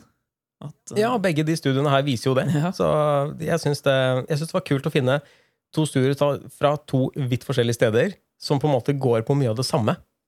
Disse, da- disse personene som er ressurssterke, tjener godt og sånn, er de litt viktigere enn eh, alle oss andre? Nei. Nei. Det er de ikke. Men, eh, men de tror det. Ja. Hvorfor er de ikke viktigere enn oss andre? Eh, Jeg tror at det er en sånn altså, Jo viktigere du tror du er, jo mindre viktig er du. Ja, du tror det stemmer? Ja, jeg tror det, det er to, to ting som Hvis du kan tegne en graf, da, som hvor viktig du tror du er, så har du på en måte en sånn graf som går sånn oppover på skrå. Fra nede, det jeg tror ikke er veldig viktig, og så oppover. Og så har du en graf som er så viktig er du egentlig, eh, basert på hvor viktig du tror du er. Så den går nedover. Den står, Mm. går ned sånn. Så da kan du lese på den grafen at ja, du tror du er, du tror du er ni viktig, du. Da er du faktisk egentlig bare minus ni viktig. Tror du Elon Musk eh, tror han er ganske viktig? Eh, jeg tror Elon Musk vet at han er viktig. Så det er forskjell der. Når du vet at Ja, du er viktig, Ja, er så ja, han, han vet han er viktig. Men tror du ikke de vet Eh. at de er viktige, de som uh, ikke stopper for andre også? Nei, Nei, det tror jeg ikke. Jeg, jeg tror de tror det, og at det, det absolutt ikke stemmer. Men altså, Elon Musk han er ikke sånn som eh, legger ut noen flashy bilder av bilen sin på Instagram. Da. Han sender jo bilen sin i bane rundt uh, jorda. Han kast, kaster jo stålstein, eh, stålstein sier jeg. Kaster stålball på vinduet. Ja. Ja, det er, en, det er en viss forskjell, altså. Ja, det er en viss forskjell. Det er jeg enig i. Men i hvert fall da, konklusjonen er at eh, ser du en, eh, en med en flashy bil som oppfører seg som en drittsekk, eller du tenker at den er en drittsekk, så er det god sjanse for at den er det. Har vi noe mer da, eller? Vi har jo ikke så mye mer. Vi har ikke det. Nei, vi har ikke det. Nei. Nei. Eh, hvordan, eh, hvor lenge tror du det, det her kommer til å vare nå? Eh, Sarsen? Eh, ja, eh, ko- Covid-19? Covid-19. Eh, jeg leste nettopp et lite utsagn fra Var det Ben Bengt Høie, er det det han heter? Helseministeren? Bent Høie? Bent Høie? Bent? Bent Høie. Ja. Mm. Kan man hete Bent? Ja, det er Bent. Jeg det var Det går an å Bengt. hete Bent. Men du kan hete Bengt også. Jeg tror Bent er på en måte herreversjonen av Bente. Ja, For det, det, det gir, du heter jo det ikke gir Beng- mening. Ja, for det er jo ikke Bengte. Nei, du har ikke Bengte. Men du har noen som heter Bengt, har du ikke det? Det har du. Ja. Liten digresjon der. Eh, Jeg så et utsagn at han eh, Han antok at eh, denne isolasjonsperioden kommer til å vare lenger enn vi tror. Altså lenger enn det det har vært de to ukene som var antatt, anslått. Ja. Eh, og at selve virus, uh, hele måte, kriseperioden, kommer også til å vare godt ut mot høsten. Ja Så da tror du det blir altså, isolasjon og karantener, og at uh, alt av butikker og sånn er stengt ned, treningssenter er stengt ned, Nei. fram til høsten? Nei, det tror jeg ikke. Eh, For det er, det er lenge, Det er altså. lenge. Jeg kan se for meg at noen, eh, noen ting eh, kommer til å være stengt. Eh, for eksempel treningsstudio. Det, vil jo ut, det det vil være en vanvittig smittefare. Så det kan jeg se for meg at de, eh, de tar som at det skal ikke holdes åpent. Mm. Butikker tror jeg kanskje må, for de eh, må jo på en måte holde økonomien i live. Eh, uten at jeg kan for mye om det. Ja. Eh, Skolene og alle, alle sånne kontorer som kan kjøre hjemmekontor, tror jeg kanskje blir pålagt om å gjøre det. Mhm. Det er bare synsing, selvfølgelig, fra min side, så jeg aner ikke. ja du, er ikke du eh, karanteneekspert nå? Nå har du vært i isolasjon ganske lenge nå. Jeg har levd i isolasjon stort sett hele livet. Beklager, eh, jeg måtte bare eh, Ja. Skal vi se. sånn. Nei, jeg måtte bare stille, stille litt på kamera. det var hyggelig å se på, det var hyggelig å se på skrittet ditt. Altså, ja, skritt for skritt her nå. Bare, skal vi se. det er ikke Eh, greit. Nei, det er ikke greit i det hele tatt. Absolutt ikke greit. Ehm, Jeg leste akkurat nå at eh, første dødsfall i Finland Første dødsfallet. eh, Ja. ja, når, Men når den poden her kommer ut, så er det sikkert, er det sikkert 17-18 til. Men det har dødd flere i Norge hittil, sa det ikke det? Det har det. Uh, sju stykker registrert så langt. Uh, men Men når den poden her kommer ut, så er det sikkert 700. Uh, Vi snakket jo om det landet som blir Ah, ja. rammet hardest. Men vi snakket Ja. ikke om det landet som blir rammet minst. Jeg kan se for meg at Nei, Finland ligger nok ganske høyt på den statistikken. Nei, det stemmer ikke. Jeg har spilt eh, Plague Inc. Jeg vet ikke om du har spilt det. Eh, det er jo det spillet hvor du har et verdenskart. Jeg har spilt Og det. så skal du Ja, du, ja. Eh, men for de som ikke har spilt det, så er jo det et spill hvor du skal, du skal starte Ja, du har, du har spilt det. Men for de som ikke har spilt det, så er jo det eh, et spill hvor du skal prøve å drepe hele jordas befolkning mm, ved hjelp av en sykdom. Mm. Og så skal du velge hvilket land du skal starte i, eh, og hvilke, hvilke properties og, og hvilke funksjoner den sykdommen skal ha da, når den sprer seg. Så kan du velge på en måte hvor høy oppgradere, sånn høyere og høyere dødelighet, men samtidig da, så kommer det en del sånne kjipe, kjipe ting som avslører sykdom, sånn som hoste og feber og en del sånne ting, ikke sant? Ja. Eh, og det jeg har lært av å spille Plague Inc., er at eh, de landene som det er vanskeligst å smitte, er eh, Grønland og Madagaskar. Riktig.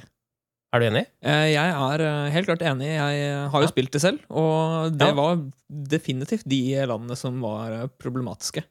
Men jeg tror ikke algoritmen i Plague Inc. tok i betraktning eh, folkeslaget i Finland.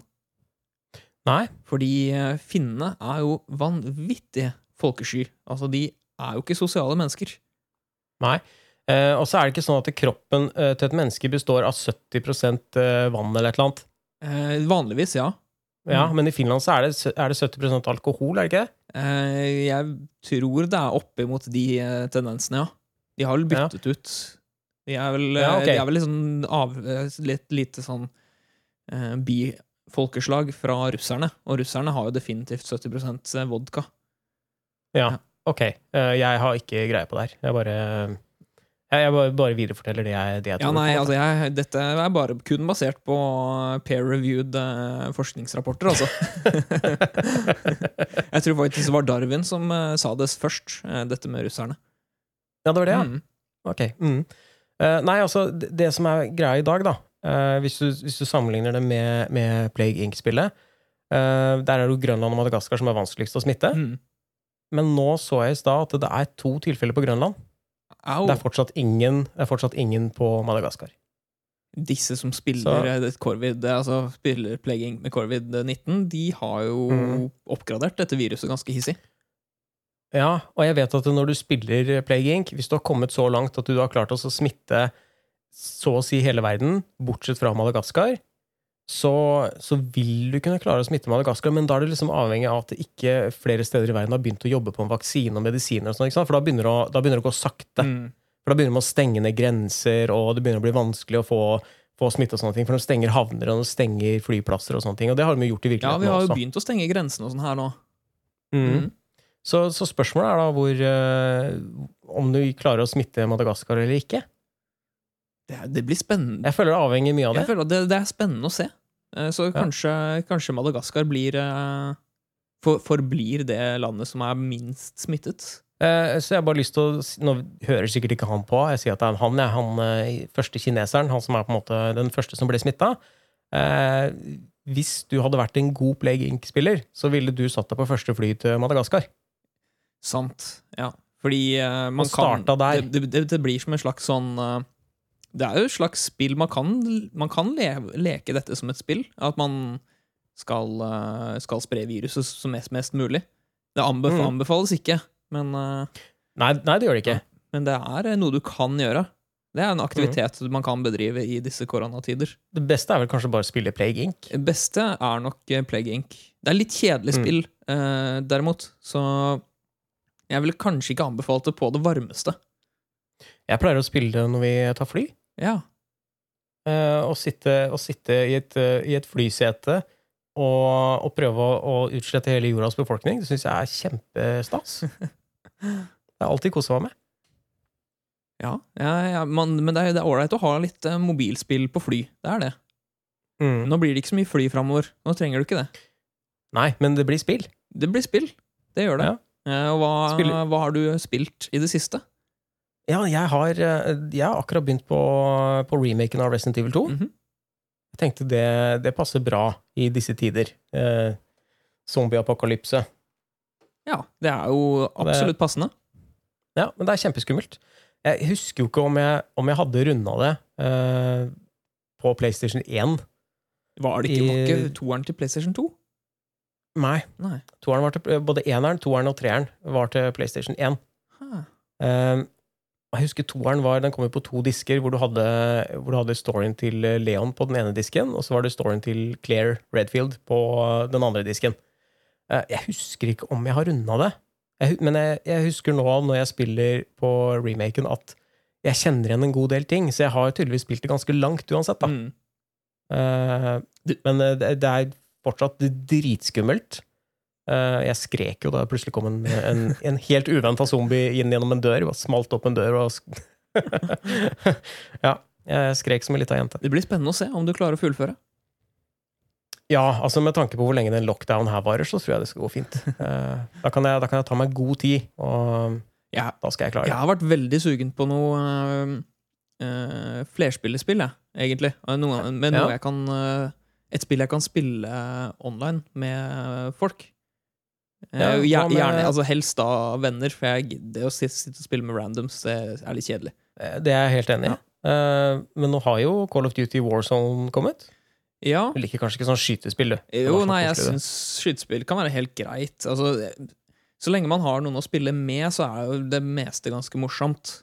Ja. Eh, Eh, Men er Warzone ja. eh, Det er free to play på PC, men er det også free to play på konsoll? Det mener jeg det er. Er det crossplay mellom de?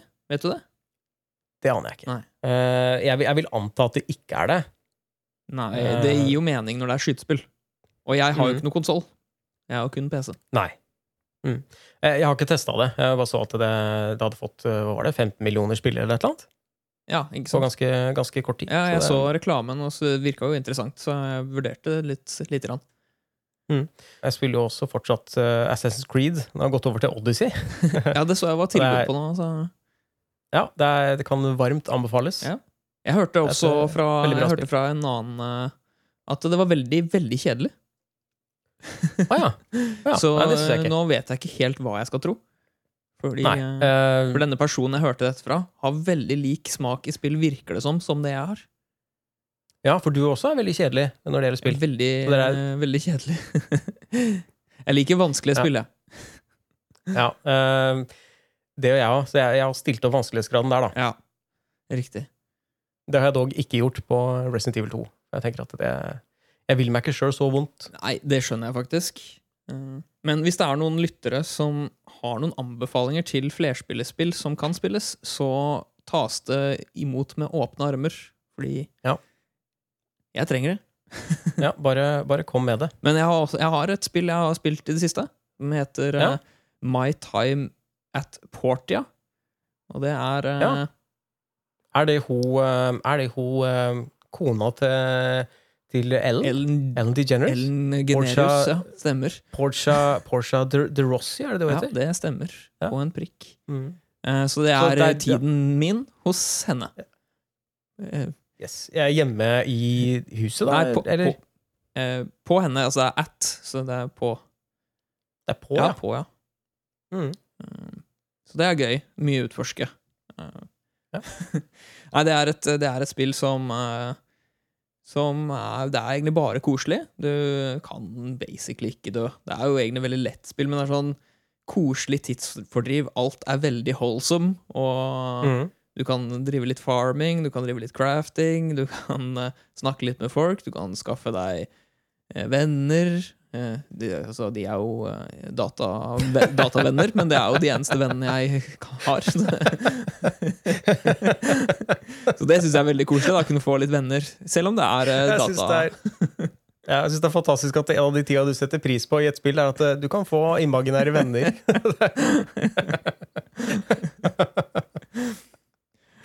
ah, det er Ja, det, er, det høres kjempegøy ut. Ja, det er, men det er, det er kjempe, kjempekoselig. Eh, jeg tror de aller Mm. fleste blir ganske sugd inn i, eh, i et sånt type spill. Hvis man har spilt et spill som heter Stardew Valley, så minner det veldig om det, bare i en 3D-versjon. Jeg skulle akkurat til å si at det høres veldig ut som det. Mm. Nå visste ikke jeg at det var en 3D-versjon, men eh, Nei, dette, dette her er fullt 3D og ser på en måte mye penere ut, da, selv om jeg er veldig glad i den 2D-pikselgrafikken til Stardew Valley. da. Jeg liker jo sånt. mm. Mm. Har du sett noe ålreite filmer i det siste? Uh, jeg har ikke sett, uh, sett så mye film i det siste, men jeg har begynt å se på en ny serie som virker ganske lovende. Uh, Ja. Og det er, no, det er jo ikke en ukjent serie på noen som helst måte, for det er en av de storsatsingene til HBO, tror jeg, som heter Devs. Ja. Den har jeg ikke sjekka ut. Er den bra? Hittil så virker den ganske lovende. Den er laget av han skaperen av X-Makena, eller hva den heter. Ja. Eh, Eh, Stemmer. Jeg har sett Det er en film, det ikke er en sant? film, ja. Hva er det han heter? Garland et eller annet? Ja, stemmer. Ja. Eh, Jeg husker ikke fornavnet. Eh, Men Nei. den Altså, jeg har litt blandede følelser for serien. Den er vanvittig bra produsert. Mhm. Og veldig, veldig mye kult. Bra skuespill og alt mulig. Men den gikk litt Kanskje litt for mye Har gått litt for mye over til sånn krim-ish variant. Men den virker Jeg kommer til å fortsette å se på den, så jeg, jeg tror den kan være bra. Okay. ok. Mm, Men den anbefales i hvert fall å sjekke ut. Har du sett noe i det siste?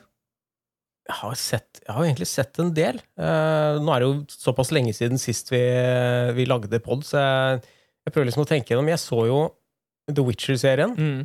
som jeg syns var veldig kul. Det er mange som ikke uh, var så fan. Jeg tror, Ja, kanskje, vi, jeg tror kanskje vi eh, snakket litt om Witcher-serien uh, før vi avsluttet. Ja, uh, hvor jeg gleda meg, men den hadde ikke kommet ennå. Ah, ja, ok. Eh, stemmer kanskje det. Men da vi publiserte siste episode, så hadde den vel kommet ut, tenker jeg. Ja, det kan hende. At vi, vi spilte inn rett før, og så publiserte rett etter. Mm. Uh, nei, jeg likte den veldig godt. Uh, jeg syns den var kjempekul. Uh, jeg har lest noe av bøkene, jeg har ikke spilt spilla, så jeg har ikke noe Eller jeg, jeg har ikke spilt spilla såpass at jeg har eh, noe mer forhold til spillene enn jeg har til bøkene, da. Jeg har spilt, eh, spilt eh, Witcher 3 en del timer nå, faktisk. Ja, jeg også, men jeg syns ikke jeg har kommet noen vei. Eh, nei, eh, skal vi se. Nå, nei, nå kan ikke jeg se hvor mange timer jeg har spilt. Jeg har sikkert spilt sånn 30 timer eller noe. Ja. Eh, jeg syns rett og slett det er litt kjedelig. Ja Men det er, det er, det er lov å synes. Ja, det Jeg har ikke noe valg. Hvorfor. Det er det jeg syns. Hva, hva er det som ikke fenger deg? Er det historien, eller er det Eh, jeg, har, jeg har hørt at historien visstnok er ganske kul. Eh, jeg har ikke liksom fått Mm. noen sånn formening om historien i noe særlig grad. Eh, Mm. Jeg har Jeg derimot syns at Questsa og kanskje fighting mechanicen og alt sånt der altså Selve Mm. gameplayet er ganske kjedelig. Det er ganske tørt og kjedelig. Og så ja. føles kanskje ikke universet selv om det er kanskje mer levende enn eh, type Skyrim, og sånn, så føles det nesten ikke like levende ut. da. Nei. Jeg er ikke så veldig fan av Jeg vet ikke om det er lov å si, jeg er ikke så veldig fan av grafikken på Geralt. Jeg syns han ser så veldig eh, Jeg syns han ser merkelig ut Ja, han ser i eh, Witcher 3. Ja, jeg Og det- Jeg syns han, han ser helt grei ut. Altså, jeg bryr meg ikke så mye, kjenner jeg. Mm. Jeg, Og den, eh, det, ser lyst, han har litt sånn innsunkne, sota øyne. ja, han har litt er- sotete øyne, ja. Ja. Spesielt når han er i Witcher-modusen. Da har han helt sotete øyne. Ja, Der likte jeg veldig godt uh, Der likte jeg veldig godt uh, serien. Mm. Jeg likte veldig godt hvordan, hvordan Geralt ser ut der i serien. Uh, andre ting jeg har sett, da? Jeg har sett uh, The Mandalorian. Det har kanskje du også gjort? Det har jeg gjort. Star Wars-serien. den var jeg veldig fan av. Nei, jeg Ja, den var veldig bra, altså. Eh, jeg blir litt overraska over at eh, Nick Nolte ikke eh, Altså bare bidrar med stemmen. Du kunne jo se at det var Nick Nolte Ja, som spilte han han, lille fyren var Nick. Nolte. Ja, men han ser jo helt lik ut i ansiktet. Det er jo, Jeg jeg, jeg- Du ser jo at det er Nick Nolte. Jeg tenkte ikke på det i det hele tatt, men det gir jo mening når du sier det. Ja, det er identisk. Hvis du googler sånn som Nick Nolte ser ut i 2020, så, så, så, så er det basically den characteren Ja. der. Men så vidt jeg forstår, så er det ikke han som var inni, eh, inni drakta, på en måte. da. At han bare bidro med stemmen. Mm. For det var noe sånn, eh, jeg vet ikke om det var Animatronics eller hva som er greia her. Det vet ikke jeg heller. Men jeg likte i hvert fall veldig godt, uh, godt serien. Jeg synes den var, den var smal og det likte jeg veldig Mm. godt. De prøvde ikke på for mye. De prøvde på Nei, lite, og det gjorde de bra. Ja. Jeg var drittlei av Baby Yoda lenge før den serien kom ut. Ja. Men så fort jeg fikk sett serien, så vet du hva, da er det helt greit. Ja, fordi eh, jeg syns ikke det memes og alt som var så kult, men jeg Nei. likte Baby Yoda i serien. Ja, jeg også. Mm. Men det er ikke eh, Det er ikke den Men, men Det her er ikke en spoiler, Nei. men hvis du, hvis du vet når den Mandalorian-serien er lagt til, Mm. så er jo ikke den lagt til så lenge før eh, de første episodene at det er den baby-Yodaen. For det her er, foregår jo etter Er det ikke etter episode seks? Jo, jeg tror det. Ja. Mm. Så det her er ikke, det her er ikke Yoda. Yoda. Nei, det er ikke det. Nei, det er bare en, en baby av samme art som Yoda er. Mm. Det er jo på en måte det, ikke det er på- Det er på en måte en spoiler, for eh, man vet jo ikke det før man ser serien. Men uh, det er helt Det greit. Det får du introdusert ganske raskt. Uh, har du sett uh, 1917, en krigsfilm? Det har jeg ikke. Eh, Det er, Den er regissert av han godeste, er den ikke det? Ja, hvem? Han som har laget Batman-filmen og sånn, er det ikke? Mm, nei, var det det? Var, er, ikke det? er det ikke Sam Mendes som har laga den her? Ja, ja ok, nei, da har jeg bare husket feil. Uh, du tenker Christopher Nolan? Ja. Eller var det Christopher Nolan? Det var Christopher Nolan jeg tenkte på.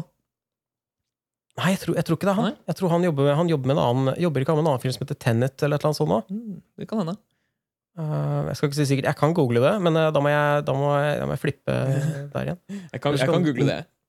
Jeg kan ikke du google det? Sjekke hvem det er som har eh, Jeg tror det er Sam Mendes som har regissert 1917. 1917. 1917. Nei, jeg har ikke, se, Og det er en jeg har ikke sett den. Jeg har ikke det. Nei, det er, ikke- det er ikke en spoiler, uh, men det jeg syns Sam Mendes er riktig for øvrig. det er, det er en sånn ubrukelig skill jeg har. Jeg husker filmnavn på skuespillere, regissører, komponister og sånne ting. Hvem var komponisten i filmen her, da? Nei, det vet jeg ikke. Jeg aner ikke. Den, den er for ny. Ja, ikke sant?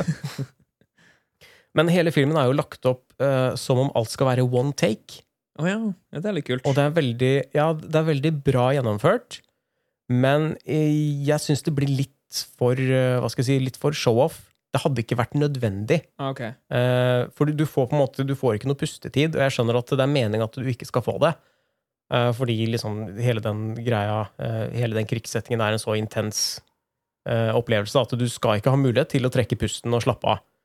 Men Mm. når, når kamera aldri klipper, bortsett fra én gang, sånn midtveis i filmen hvor det, liksom det, er, det er natt og er, ting fortsetter dagen etterpå, når du ikke får den muligheten til å, å ta pause eller små sånne, små sånne klipp, så blir det veldig Det blir litt slitsomt.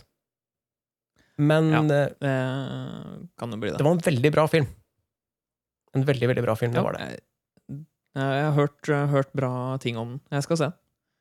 Mm. Jeg vet ikke helt hvor jeg skal Eh, se den, men Nei, eh, hvis du er på, på internett, så, så går det an å, å oppdrive den. På en eller annen mystisk måte. Eh, Ja. Eh, Jeg bare Mm. er ikke så fan av å laste ned og sånn, så Nei, eh, for vi begge så jo The Mandalorian på Disney Pluss. Det er klart vi klart vi gjorde det. Eh, Det er klart vi gjorde. det. en ting som slo meg med den krigsfilmen, forresten, er at det, eh, et konsept jeg ikke har tenkt over før, men som jeg tenkte over da jeg så den. eh, krigsånde. Har du tenkt på det før? Eh, når når som, så, mye, ligger en- så ånden man har i kjeften. Ja, ånd, ånden du har i krig. Når du har vært ute, sånn som eh, i den filmen, da, hvor historien foregår sikkert over såpass, altså et halvt døgn eller et eller annet. Er, jeg tror ikke de drikker eller spiser noen ting. Du er bare skikkelig tørr i kjeften, og så er kanskje det er en som, som ligger og dør, da. Og så, ligger, og så sitter du og så holder en eller annen i, i fanget ditt som ligger der og dør, og han ligger der og, øh, puster på deg. Kan du Mm. tenke deg krigsånden? Det er nok ikke bra. Det, nok, det lukter nok ikke godt. Eh, I krig skulle jeg hatt med meg så mye tyggis. Ikke bare til meg sjøl, men til den som eventuelt dør i fanget mitt. Som her, vent, ikke host, bare ta en tyggis nå, og så fortell meg hvem jeg skal, hvem jeg skal si du er glad i. Du må huske på at, eh, at det er jo veldig lakserende, så du kan ikke øke eh, forbruket. det er veldig problematisk å måtte gå på toalettet hele tida mens du er i krig. Ja. Altså. Ja, det er, er ikke det bare å ikke svelge tyggisen, da? Er det ikke bare å si til han som ligger og dør, at det ikke svelg tyggisen? Ja, det er sant, du, ja, du har jo den spyttebøtta. Ja. Da går det greit. Den vil nok være desidert mer brukt i en krigssituasjon, tenker jeg. Helt klart. Kanskje kan dele med kamerater òg. Ja, jeg skal bare komme med et filmtips helt på slutten. Ja, det er at eh, Nå er eh, John Wick 3 tilgjengelig på var det Viaplay, tror jeg. Ja. Så For dere som har det. Ja, for dere som har det. Mm. Det er en veldig bra film. Skal vi bare si det er greit der, eller? Hva tenker du? Jeg tror vi kan si det er greit, jeg. Så får vi bare se an eh, hva, hvordan eh, samfunnet ser ut neste gang vi skal spille inn en episode. Hvordan det blir. Om det blir enda mer krisepod, eh, nødpod, enn en den her. Og enda mer på sparket. For det, ikke, det har ikke vært så nød i dag. Det har ikke vært så krise. Nei, litt, jeg vet jo ikke hva som foregår utafor. Det er jo ikke det, jeg, jeg kan jo ikke gå ut. Nei, ikke er heller. jo- Jeg har jo også persiennene lukket, så jeg ser jo ikke hva som Ja, ser det. Nei, det er jo full, full lockdown, så vi vet jo ikke hvordan det her kommer til å gå. Men eh, kan ikke dere der ute som hører på, vaske dere på henda, da? Og ikke gå og slikke på ting i butikken, ikke ta på ting, og ikke være seig på henda hele tida? Og ikke ta dere i ansiktet? Ikke noen sted i ansiktet? Helst Ikke ikke. panna engang, liksom? Og ikke, ikke ta andre i ansiktet, og ikke spytt på folk. Å. Eller det gjelder også deg, Okay. Var, det mest, var det mest meg, kanskje? Var Ja, egentlig mest deg. Prøv å ikke, prøv ikke spytte så veldig mye på folk. Med mindre de spytter på deg først. Da er det lov å ta igjen. Jeg skal ikke si noe på Men er du sikker når det er, selv når det er koronatid? At det ikke er lov? Ja, det ikke, altså, Er det lov å ta igjen selv når det er koronatid? Ja, det må være lov, Ja, okay. synes jeg. ja. Ja, det var greit. Ikke spytt folk i Eh, ansiktet med mindre de spytter deg i ansiktet først. med andre ord. Nei, og jeg har en regel som eh, Jeg sier ikke at andre må følge den, men jeg bruker den sjøl. Nå har jo vi fått installert sånn calling-anlegg. Nei, jeg vil jo ikke ha det, egentlig. Eh, Men eh, det kan også være lurt, altså, hvis, hvis det er noen som ringer på, ikke åpne opp. For du vet ikke om det er, om det er en smittebærer, eller hva det er for noe. Så det er en regel jeg følger uansett. Da, til når noen ringer på, så åpner jeg ikke. Nei, du bare står og roper uh, i calling-anlegget. Jeg står bare og roper 'gå vekk'! Ha deg bort! Ekkel. Ta pesten din og gå! Ja, nei, det er eh, godt tips, det. Godt tips. Syns det er innafor. Rop, rop gjennom døra i stedet for å lukke opp, helst. Ja, eller bare lat som du ikke er hjemme. Det syns jeg funker eh, best, faktisk. Du kan ikke late som du ikke er hjemme når alle er hjemme om dagen. ja, det går Folk, fint folk skjønner, skjønner at du tuller da, vet du. At du bare prøver å lure dem. Jeg kan jo, Nå har vi jo spikra igjen eh, inngangsdøra og teipa på utsiden. Jeg kan jo klatre ut på verandaen eh, og henge en lapp på inngangsdøra hvor det står 'er på hytta'. Det er godt du har tatt imot så mange tiltak eh, hjemme og dratt på hytta. Ja, det er, det er, det er Ja, det er eh, høyst nødvendig i disse tider. Men eh, ja, skal vi bare si ha det, da, eller? Så, Ja, jeg tror ikke Jeg tror faktisk ikke vaktmesteren får gjort noen som helst ting fra Ingen- jernlungen sin. Absolutt ingenting. Nei, ingenting. Eh, Hvis eh, noen har spørsmål eller kommentarer, eller noe, så er det bare å komme med det. Så skal vi prøve å ta det med neste, neste episode, hvis vi fortsatt er her. Om ikke jorda har gått under i mellomtida. Det er mulig at vi kommer med et lite lydklipp fra pusten til, til vaktmesteren for å, for å vise at han er i live, da. Ja. Eh, muligens også lyden av at han, at han forsiktig sykler for å holde For å holde lunga i gang. Nei, Vi må ikke gjøre for mye narr av vaktmesteren, stakkar. Nei. Han er i en vanskelig situasjon. Han er ja, og i en risikogruppe ut av de grader. Altså grader. Hvor gammel er han egentlig? Hva var det vi kom fram til? Vi hadde jo et, eh, hadde ikke vi et konfirmasjonsbilde fra tidlig 1900 Nei, jeg, jeg husker ikke. Det er vanskelig å si. Det er Faktisk. kanskje ingen som vet det, til og med. Nei. Jeg tror ikke vi finner ut før han dør og vi kan lese årringene, at vi kutter ankelen, altså i leggen, og så, og så leser vi oss innover for å se hvor mange år han har overlevd. Riktig. Ja, nei, det er vel sånn man bedømmer alder på mennesker, så vidt jeg vet. Hvis ikke du har eh, en dato å gå ut ifra, så er det eneste måten. Ja. Men eh, eh, ja, vi, vi snakkes, da. Vi snakkes. Ha det! Ha det, ass.